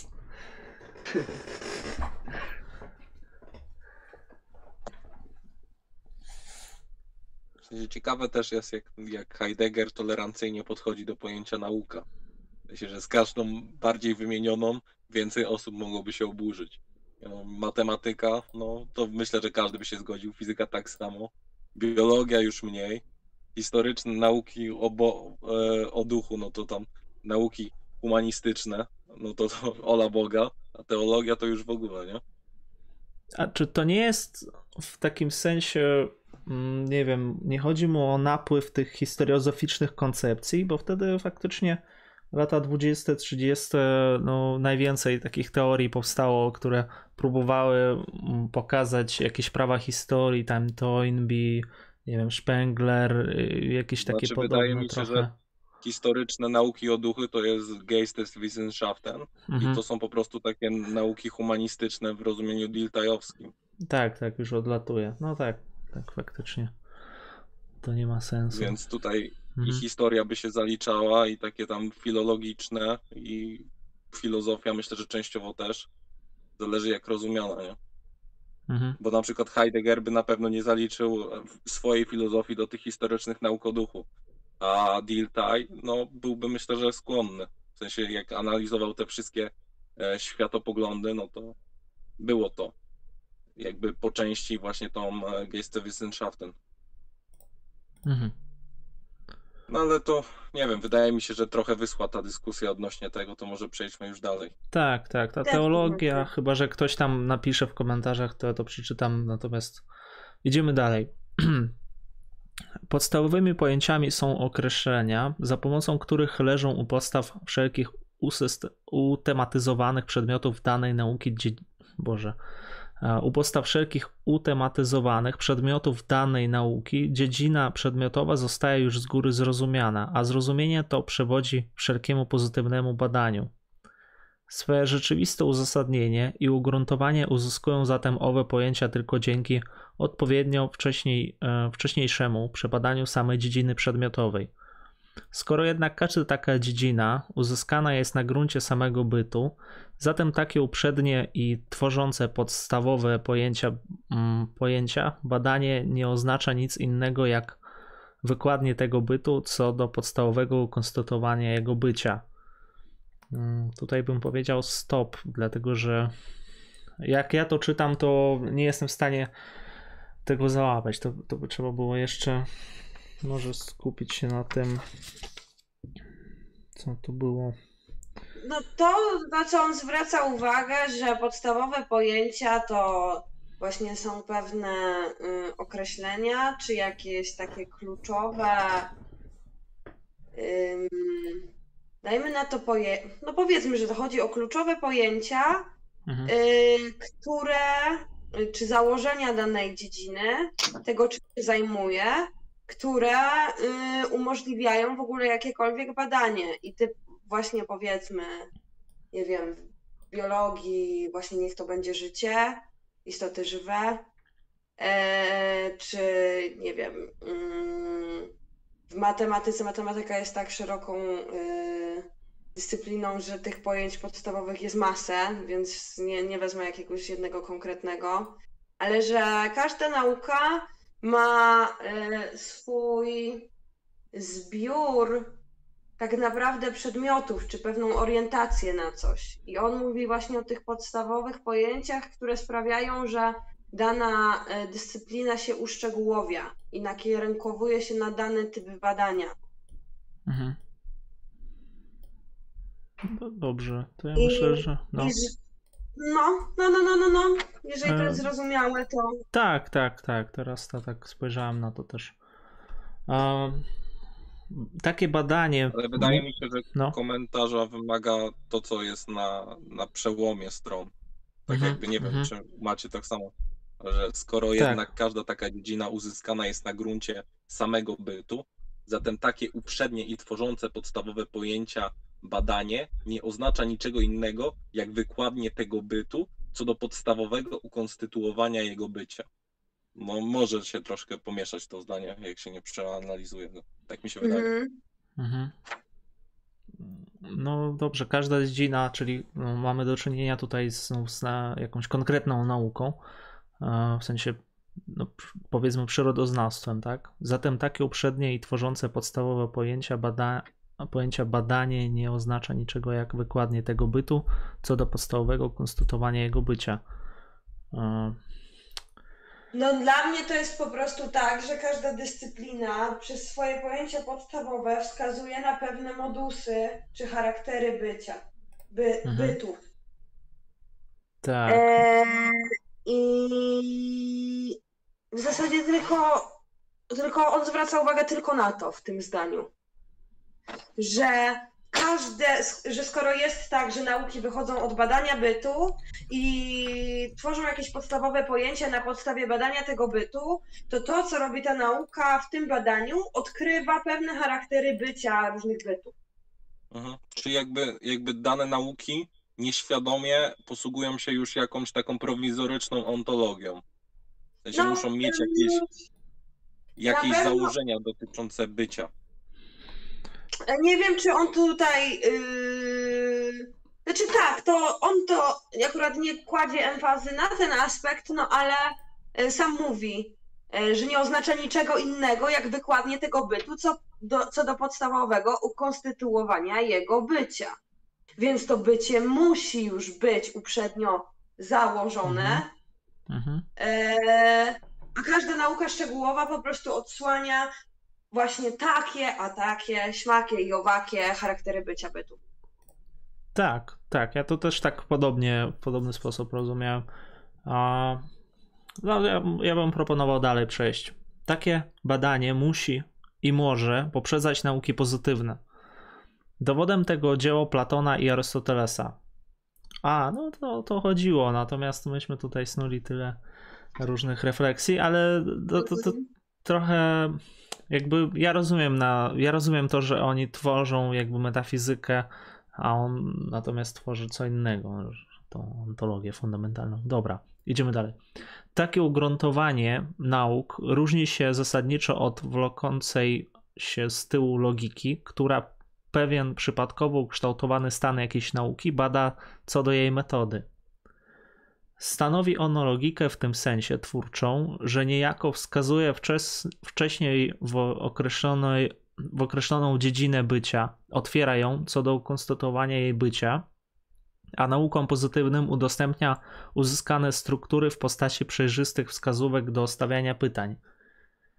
Mm, że dlaczego, tylko nie rozumiem jednej rzeczy, dlaczego tutaj Platon, Arystoteles, czy to do nich się odnosi? No, rozumiem, że jest jakaś metodologia rozumiana jako logika, natomiast ten Platon, Arystoteles, które tutaj się pojawiają, nie wiem, czy oni są przykładami e, jakiejś metodologii naukowej, czy jest jakaś metodologia Platona, Arystotelesa, ale oczywiście to są lata, no tak, tak.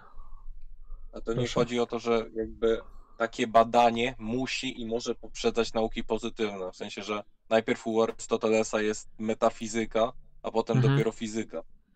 W sensie, może o to chodzi. No tak. Że jakby najpierw analizuje z punktu widzenia byty same w sobie, a potem dopiero e, byt taki, jak się prezentuje w dziedzinie przyrodoznawstwa. Mhm. Rozumiem, dobra. Nie. Słowo to metoda mnie znaczy, po to- prostu zmyliło tutaj. No. To, to nie wiem, czy, bo to jest dopiero tak sobie teraz przy czytaniu. Próbuję to Mhm. rozszyfrować. To, to pytanie też do reszty ludzi tutaj. Czy to może o to chodzić? Słuchajcie, ja trochę w ogóle odleciałam. Eee, bo próbuję sobie to złożyć w całość i, i przeskoczyć trochę do przodu. Ja bym doczytał do Eee, końca. Ale tak, myślę, że tak. Mhm. Myślę, że myślę, że tak, że konieczne jest właśnie y, w tym przypadku stworzenie właśnie w ogóle jakiejś metafizyki, która y, nakreśla pewne podstawowe pojęcia, y, które dopiero później umożliwiają bardziej szczegółowe badanie. I faktycznie mm, ten przeskok od metafizyki do fizyki ma tutaj y, sens. W sensie takie rozumienie tego. Mhm. No tak. Ja bym dalej to przeczytał. Wydaje mi się, że tutaj dalej ciekawy też fragment, bo Kant się pojawia. A... Tak więc na przykład filozoficznie pierwotna nie jest teoria tworzenia pojęć w naukach historycznych lub teoria poznania historycznego, ale też nie teoria dziejów jako przedmiotu historii, lecz interpretacja dziejowości tego, co w właściwy sposób bytuje dziejowo. Podobnie pozytywnym wynikiem kantowskiej krytyki czystego rozumu jest wkład w opracowanie tego, co w ogóle cechuje przyrodę, a nie jakaś teoria poznania. Logika transcendentalna Kanta jest a prioryczną logiką materialną tej dziedziny bycia, jaką jest przyroda. No, teraz e, chodzi o to, że jeżeli mówimy o Kancie, to chodzi o to, że Kant poprzedza tra- logikę transcendentalną, uj, Heidegger poprzedza logikę transcendentalną Kanta. W sensie on, on no, wcześniej mówiliśmy o metafizyce Arystotelesa, a teraz e, mówimy, że, że to, co tworzy Kant, to też nie jest to, o co mu chodzi, tak? Że to jest też jakaś teoria, jakaś e, metoda, metoda, która poprzedza e, przyrodoznawstwo u Kanta, tak? Stawia jakieś a prioryczne warunki nauką, czy coś takiego. Wcześniejsze zdanie, może ja, ja od razu do tego Kanta skoczyłem. Wcześniejsze zdanie, na przykład, no i ten przykład jest taki trochę pogmatwany dla mnie. No, filozoficznie pierwotna nie jest teoria tworzenia pojęć w naukach historycznych lub teoria poznania historycznego, ale też nie teoria dziejów jako przedmiotu historii, lecz interpretacja dziejowości tego, co we właściwy sposób bytuje dziejowo. No to wydaje mi się, że to jest to, o czym ja wspominałem Mhm. mhm. tego podzielenia na to, co historyczne i to, co bytujące dziejowo. Że, Mhm. nie, że dla Heideggera podstawowym nie będzie jakby ta metodologia e, historii, czyli jak, jak musimy badać historię, takie tam rozważania, tylko jakby na początku zbadanie takich kantowsko mówiąc warunków możliwości tego, żebyśmy w ogóle poznawali historię. A warunki możliwości odnoszą się właśnie do Dasein, czyli czegoś, co właśnie u Heideggera to, jeśli się nie mylę, to jest tak, że dziejowość Dasein w ogóle kon- konstytuuje to, że mamy do czynienia z jakąś historią. Więc Mhm. do tego to się może odnosić.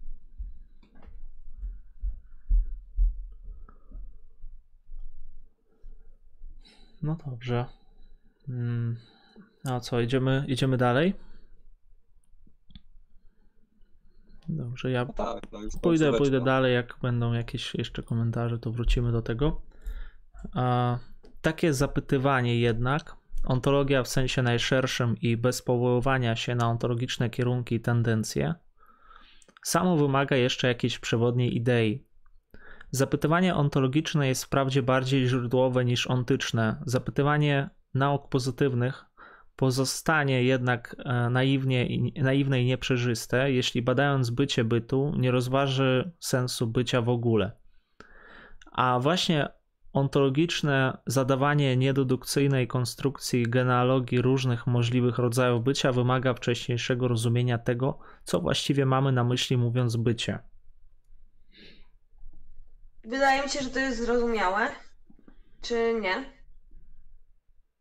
No, tam środkowe zdanie tak, czy to zapytywanie ontologiczne, że jest bardziej źródłowe niż ontyczne dla nauk, e, dla nauk pozytywnych nawet.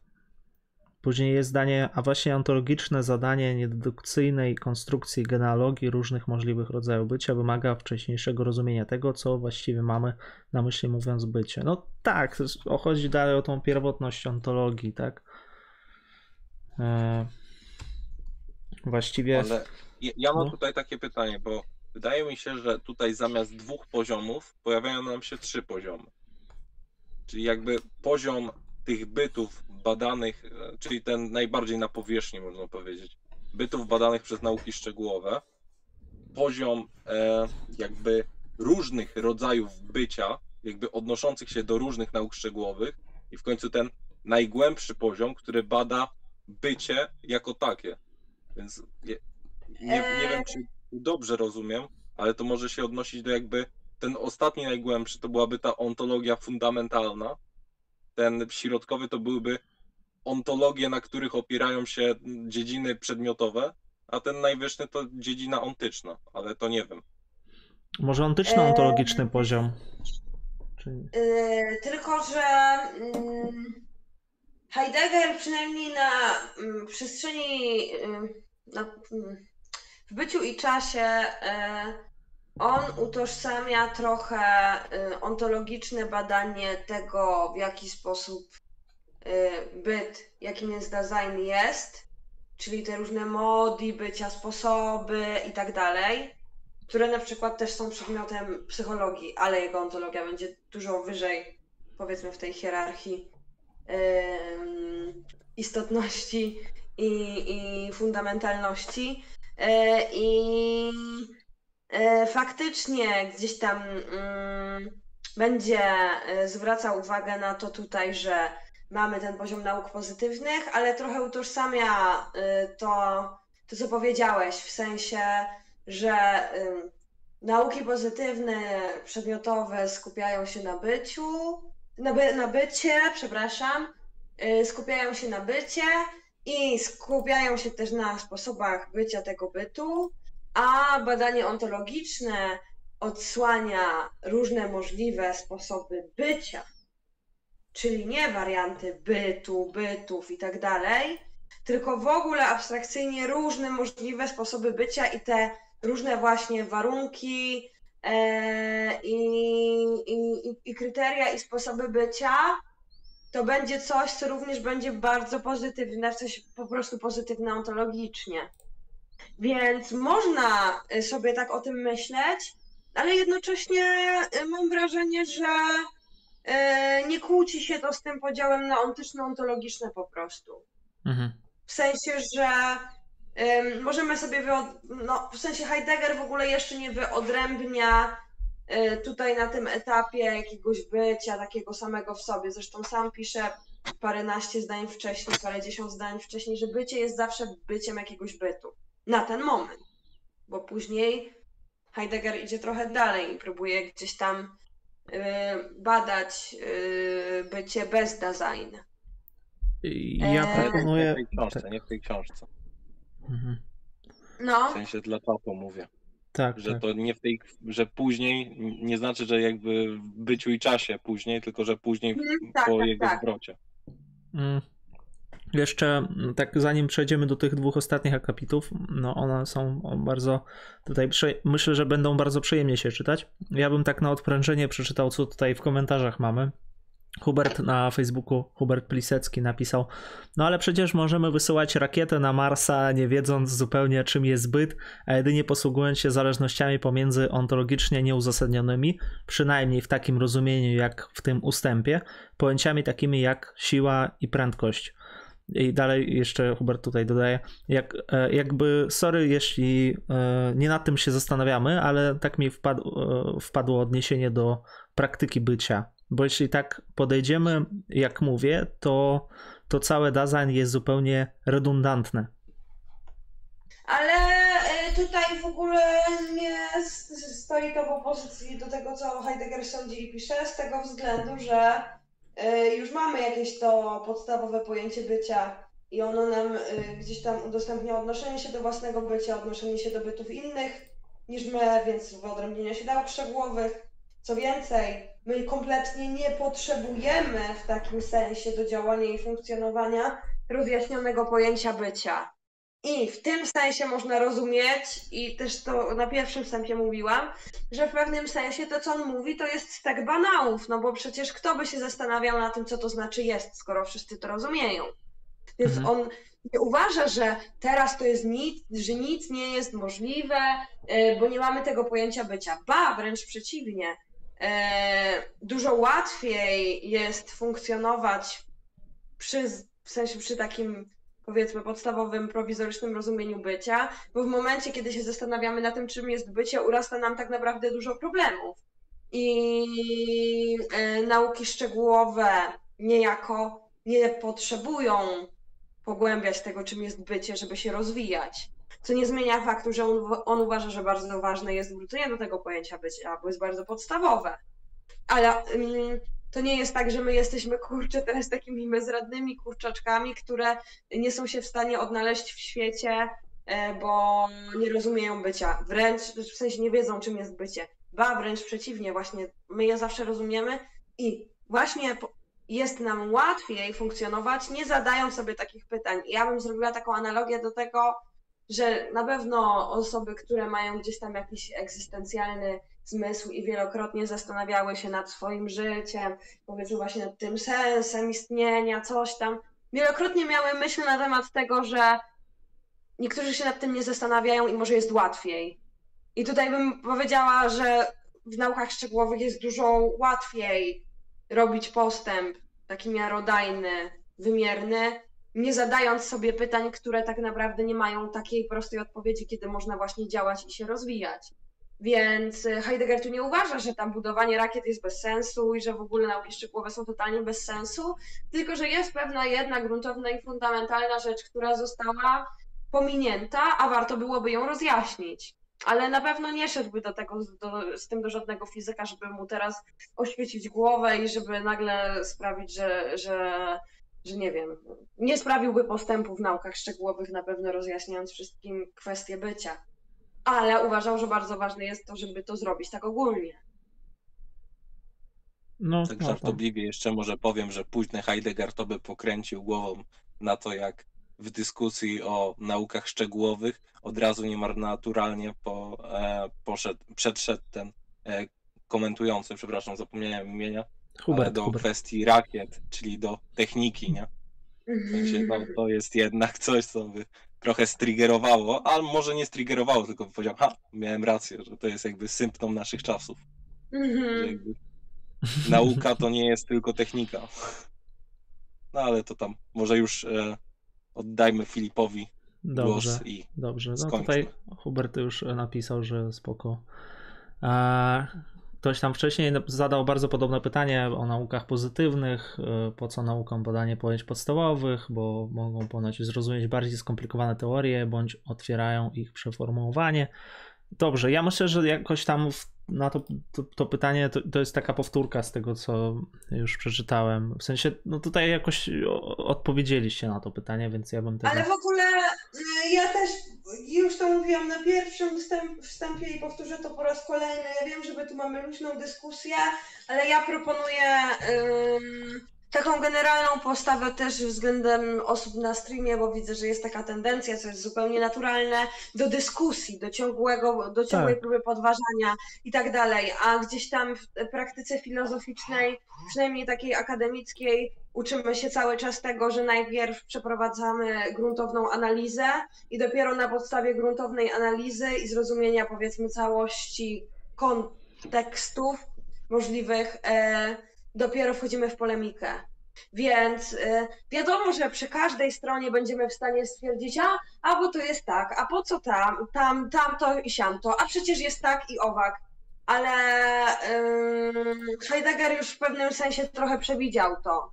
W tym sensie, że ym, on mówi o tym, że ontologia fundamentalna to nie jest poziom, poziom nauk szczegółowych, więc wydaje mi się, że nie ma sensu na poziomie nauk szczegółowych próbować dyskutować z zasadnością jego myśli, bo on to już jakby wyprzedza. Wstecz Mhm. i w przód. No jasne. Y, Ja tylko tak dodam, że ja to nazywam czasami e, domniemaniem niewinności autora. Jeżeli chodzi w ogóle o filozofię, zanim się coś skrytykuje, to trzeba podchodzić do tego no, ze zrozumieniem najpierw tej myśli, a później już odnalezienie jej tam wewnętrznych sprzeczności, jakby jak całego. to nazywa w hermeneutyce zasada życzliwości, czyli zakładamy, Mhm. że jednak autor nie był kompletnym oszołomem, tylko że Tak. racjonalnie coś napisał. Tak, to jest właśnie hermeneutyczne pojęcie, tylko ja to korzystam z, trochę z innego języka, no ale okej, tak, tak, to jest to samo. A, następny akapit. Śmieszny jest ten kontekst racjonalnego napisania, jak nam prof, profesor e, Surzyn tłumaczył, jak zostało napisane bycie i czas, w jaki sposób. A, W sensie, że tak Dlatego no tutaj zakładamy, żeby sobie ułatwić robotę. E, kontynuujmy, bo jest już późno, Jasne. a fajnie by Tak, było tak, to tak. skończyć.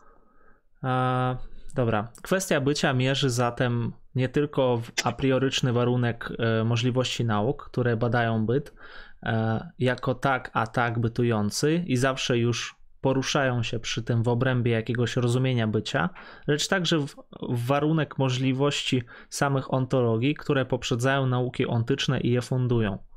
Wszelka ontologia, niezależnie od tego, jak bogatym i spójnym systemem kategorii dysponuje, pozostaje z gruntu ślepa i będzie wypaczeniem swego najbardziej swoistego zamysłu, jeśli nie rozjaśni najpierw w sposób dostateczny sensu bycia, pojmując to rozjaśnienie jako swe fundamentalne zadanie. Mamy prymat kwestii e, bycia, to cały, cały rozdział jest o tym. E, Ja myślę, że to jest jasne. Po tym, co przeczytaliśmy. Mm, okay, to w takim razie ostatni akapit. Dobrze pojęte badanie ontologiczne nadaje kwestii bycia ontologiczne pierwszeństwo przed zwykłym podjęciem na nowo jakiejś szacownej tradycji i forsowaniem jakiegoś nieprzejrzystego dotąd problemu. To rzeczowo-naukowe pierwszeństwo nie jest jednak jedyne. Odnośnie do, do tych komentarzy, tutaj wcześniej e, nam zostawialiście. Eee, hmm, hmm, hmm. Kwestia bycia, no ciekawe to pierwsze zdanie było, że kwestia bycia mierzy zatem nie tylko w a prioryczny warunek e, możliwości nauk, które badają byty e, jako tak, a tak bytujący i zawsze już poruszają się przy tym w obrębie jakiegoś rozumienia bycia, lecz także warunek możliwości samych ontologii. No, mamy właśnie e, metafizykę, znaczy mamy ontologię ontologii, czy metafizykę metafizyki. No, nie wiem, czy to coś wyjaśnia, ale ja rozumiem, co on chce powiedzieć. Rozumiem, na którym piętrze znajdujemy się, jakby. No. E, czy to jest tak oczywiste? Nie wiem. E, to znaczy, zależy dalej znów od, od tego, jak ta dalej e, książka tutaj, dokąd nas zaprowadzi. Oczywiście wstępnie można tak powiedzieć, że to jest warunek dopiero wszelkich innych warunków. To znaczy ta kwestia bycia. No tak. Jeszcze nam. Ta no. kwestia bycia warunkuje możliwość jakichkolwiek innych nauk, metafizyk i tak dalej, jakiegokolwiek e, naukowego poznania świata i w ogóle. Mhm, mhm. Idąc dalej, w ogóle całej komunikacji, czegokolwiek, nie? Czym, było, czym byłaby nasza komunikacja, gdyby nie to yy, rozumienie bycia, nie? No tak. No i to, to jest koniec rozdziału ontologiczny prymat kwestii bycia. To już ontyczny prymat No. kwestii bycia będziemy dalej na następnym spotkaniu omawiać. To ja proponuję tak. Mamy jeszcze kilka komentarzy, tam jakaś tam krótka taka dyskusja się rozwinęła. E, Kiedy my robimy następne spotkanie? Albo nie, albo może najpierw te komentarze, żebyśmy szybko tak e, odpowiedzieli. Chyba, że chcecie coś dodać do tych ostatnich dwóch fragmentów, bo. Hmm. Jak nie, to ja przeczytam co. Ja, ja no. raczej, raczej Dobra. A, to tutaj wcześniejszy komentator, który pisał o, o tych naukach pozytywnych, Piotr, e, już Piotr tym razem. Nie zgadzam się, bo można brnąć w błędzie i wchodzić w meandry myśli, które już przy założeniu, e, które no, są przy założeniu już, już są błędne. E, Okej. Podobno porządek wykładu i porządek uzasadnienia w byciu i czasie są sobie przeciwne. Nie pamiętam, jak są skierowane, ale tak mam na zajęciach w hermeneutyki, tak nam na zajęciach z hermeneutyki, mówiono. To jest jakiś trop chyba. No, po- porządek uzasadnienia i porządek wykładu. Eee, kurczę, to, to jest w ogóle jakieś stare zagadnienie. Wykładanie, wykładanie i wyjaśnianie z tego, co pamiętam. Yy, Będziemy, ja bym też musiała do tego wrócić, ale yy, tak, to się pojawi. Mhm. Że wyjaśnianie jest czymś innym niż wykładanie. No dobrze. No tam już odpowiedział Mateusz Sidus na, na te wcześniejsze komentarze. Ja nie wiem, e, no co, co to znaczy, że okej, ten komentarz, który był, że nie zgadzam się, bo można brnąć w błędzie i wchodzić w meandry myśli, które już przy założeniu o, były błędne.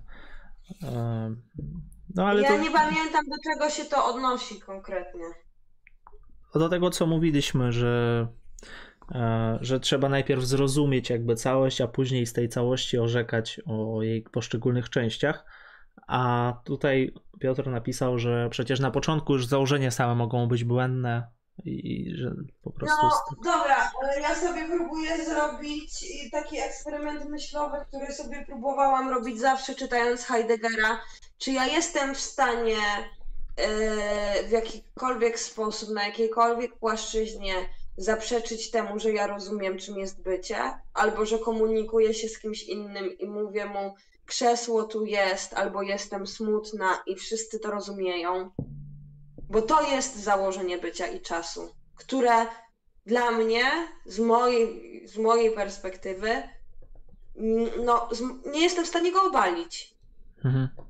Próbowałam. Próbowałam tak długo y, walczyć z Heideggerem, znajdować kontrprzykłady, ale jeżeli tutaj jest główne założenie, że ja rozumiem bycie i istotnie ja jakoś rozumiem to bycie i nie jestem w stanie znaleźć y, jakiegokolwiek przykładu, który temu zaprzecza, no to ja po prostu przyjmuję to założenie.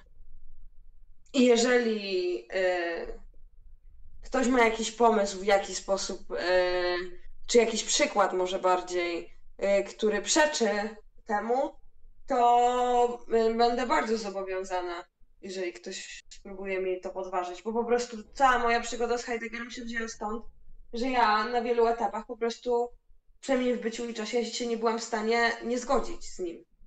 No, tutaj nie, nie, jakby nie musimy tutaj daleko iść. Tak jak powiedzieliśmy na początku, no jakby jakie my założenia przyjmujemy. Najpierw trzeba zrozumieć, yy, jakie tam są założenia. No, jakie to są założenia. Założeniem głównym chyba jest to poszukiwanie, yy, czy odpowiedź na pytanie o, o sens bycia, tak? Natomiast yy, jak to jest pytanie postawione, Yy, I co nas prowadzi do tego pytania, to są chyba jakieś założenia. Dlaczego jest ważne, to są też założenia. Ale jeszcze no, Mm. jesteśmy na 15 stronach, błagam. To, tutaj, no co tutaj można konkretnie powiedzieć? Dopiero jakby ta przygoda się zaczyna. Tak, tak. Przynajmniej jeszcze musimy dojść do tych założeń. Tak mi się wydaje. Dobra. Znaczy, e, zostaje nakreślona, ale dobrze to określiłeś. Dobra. E... Okej, pisze Piotr, zgadzam się. Po prostu pisze o tym, że są różne metody debatowania i nie wiemy, czy przerywanie wykładu i doszukiwanie się błędów jest więcej warte niż wysłuchanie jednej godziny w całości, a dopiero potem wytykanie błędom, bo jeżeli błąd jest w założeniu, to tracimy całą godzinę wykładu zamiast brnąć w błędzie. Dobrze, to jest już o wykładzie, e, to jest trochę inna jakby historia. Ja bym powoli zmierzał do końca, to znaczy powoli, już bym zmierzał do końca. E... Czekaj, mogę tylko Magdzie odpowiedzieć? Mhm. Bo właśnie chodzi mi po głowie jedna taka myśl, której właśnie mi się wydaje nie mogę nie powiedzieć. Bo zastanawiałem się nad taką rzeczą, że na przykład jak masz y, nawet w jednym języku, jak analizujesz kilka słów w jednym języku, które wydają się, że znaczą to samo, na przykład jak rozmawiacie o tym, że coś jest i coś na przykład w sensie by, być i jest, to mi się wydaje, że jednak mm, że już mm, to, że ma, mamy jakby kilka pojęć, to już jakby wskazuje na jakąś różnicę. I właśnie ta różnica może być taka, to już tylko takie moje jakby przemyślenie, że, że masz na przykład jest i to jest jest obiektywnie dane. W sensie, że coś jest nawet bez jakby tej osoby, która właśnie tam czy tam bez podmiotu, bez tej osoby, która jakby komplementuje. One po prostu istnieje. A bycie jest jakby częścią takiego systemu, że no nie wiem, że po prostu bycie jakby uwzględnia to, że jest ktoś, kto jakby istnieje w tym systemie bycia. Nie wiem, to chciałem chyba powiedzieć. Może ci to po prostu bardziej pomoże niż mi. Yy, wiesz co, yy, ja sobie to w ogóle muszę przemetabolizować i chyba yy, musielibyśmy to o tym pogadać i dookreślić w ogóle po streamie, bo nie do końca wiem, czy kleję akcję, ale myślę, że warto by było zamknąć to po prostu, bo ja już się czuję przemęczona i Mhm. myślę, że wszyscy też. Zresztą już dwie i pół godziny działamy. Tak, tak, tak, Więc prawda. yy, jeszcze sobie ten, podsumujemy te kwestie na Discordzie, ale może wyłączmy już. Jasne, dobrze. To dziękuję wszystkim oglądającym. Mam nadzieję, że było to dla Was ciekawe. E, natomiast jeżeli chodzi o filmik, o to, czy no, można będzie odsłuchać po, po, po tym streamie, i co więcej, e, tak jak mówiłem wcześniej, zacząłem robić timestepy na, na filmikach i można Mhm. sobie wybierać kwestie. Znaczy, ja tam za, za parę godzin zrobię, odsłucham to jeszcze raz wszystko na, na jakiejś zwariowanej prędkości i zrobię po prostu tak, żeby można było wrócić do pewnych kwestii jednym kliknięciem. I to tyle. I dziękuję jeszcze raz. jeżeli chodzi o organizację, to pewnie się spotkamy po świętach. Ja cały czas myślę, jak to prowadzić dalej i Mhm. e, na pewno będę chciała zrobić jeszcze jeden wykład albo dwa, to niewątpliwie, ale zastanawiam się i cały czas mi się to dekonstruuje, bo nie wiem, w którym momencie to będzie najlepiej zrobić, w sensie, czy lepiej teraz przejść przez czytanie do pewnego jakiegoś etapu i później zrobić kolejny wstęp do kolejnych treści, czy zrobić tak, że skończę wstępy, a czytania będą szły swoim torem, bo to tak w ogóle spontanicznie wszystko wychodzi, ale to jeszcze się po prostu Dobra. z wami porozumiem i, Tak, i tak, to- zadecydujemy. Po świętach. Po Po, świętach. Nowym Okej, to ja zatrzymuję stream i jeszcze raz do widzenia. Dziękujemy za, za to, że nas oglądaliście, słuchaliście.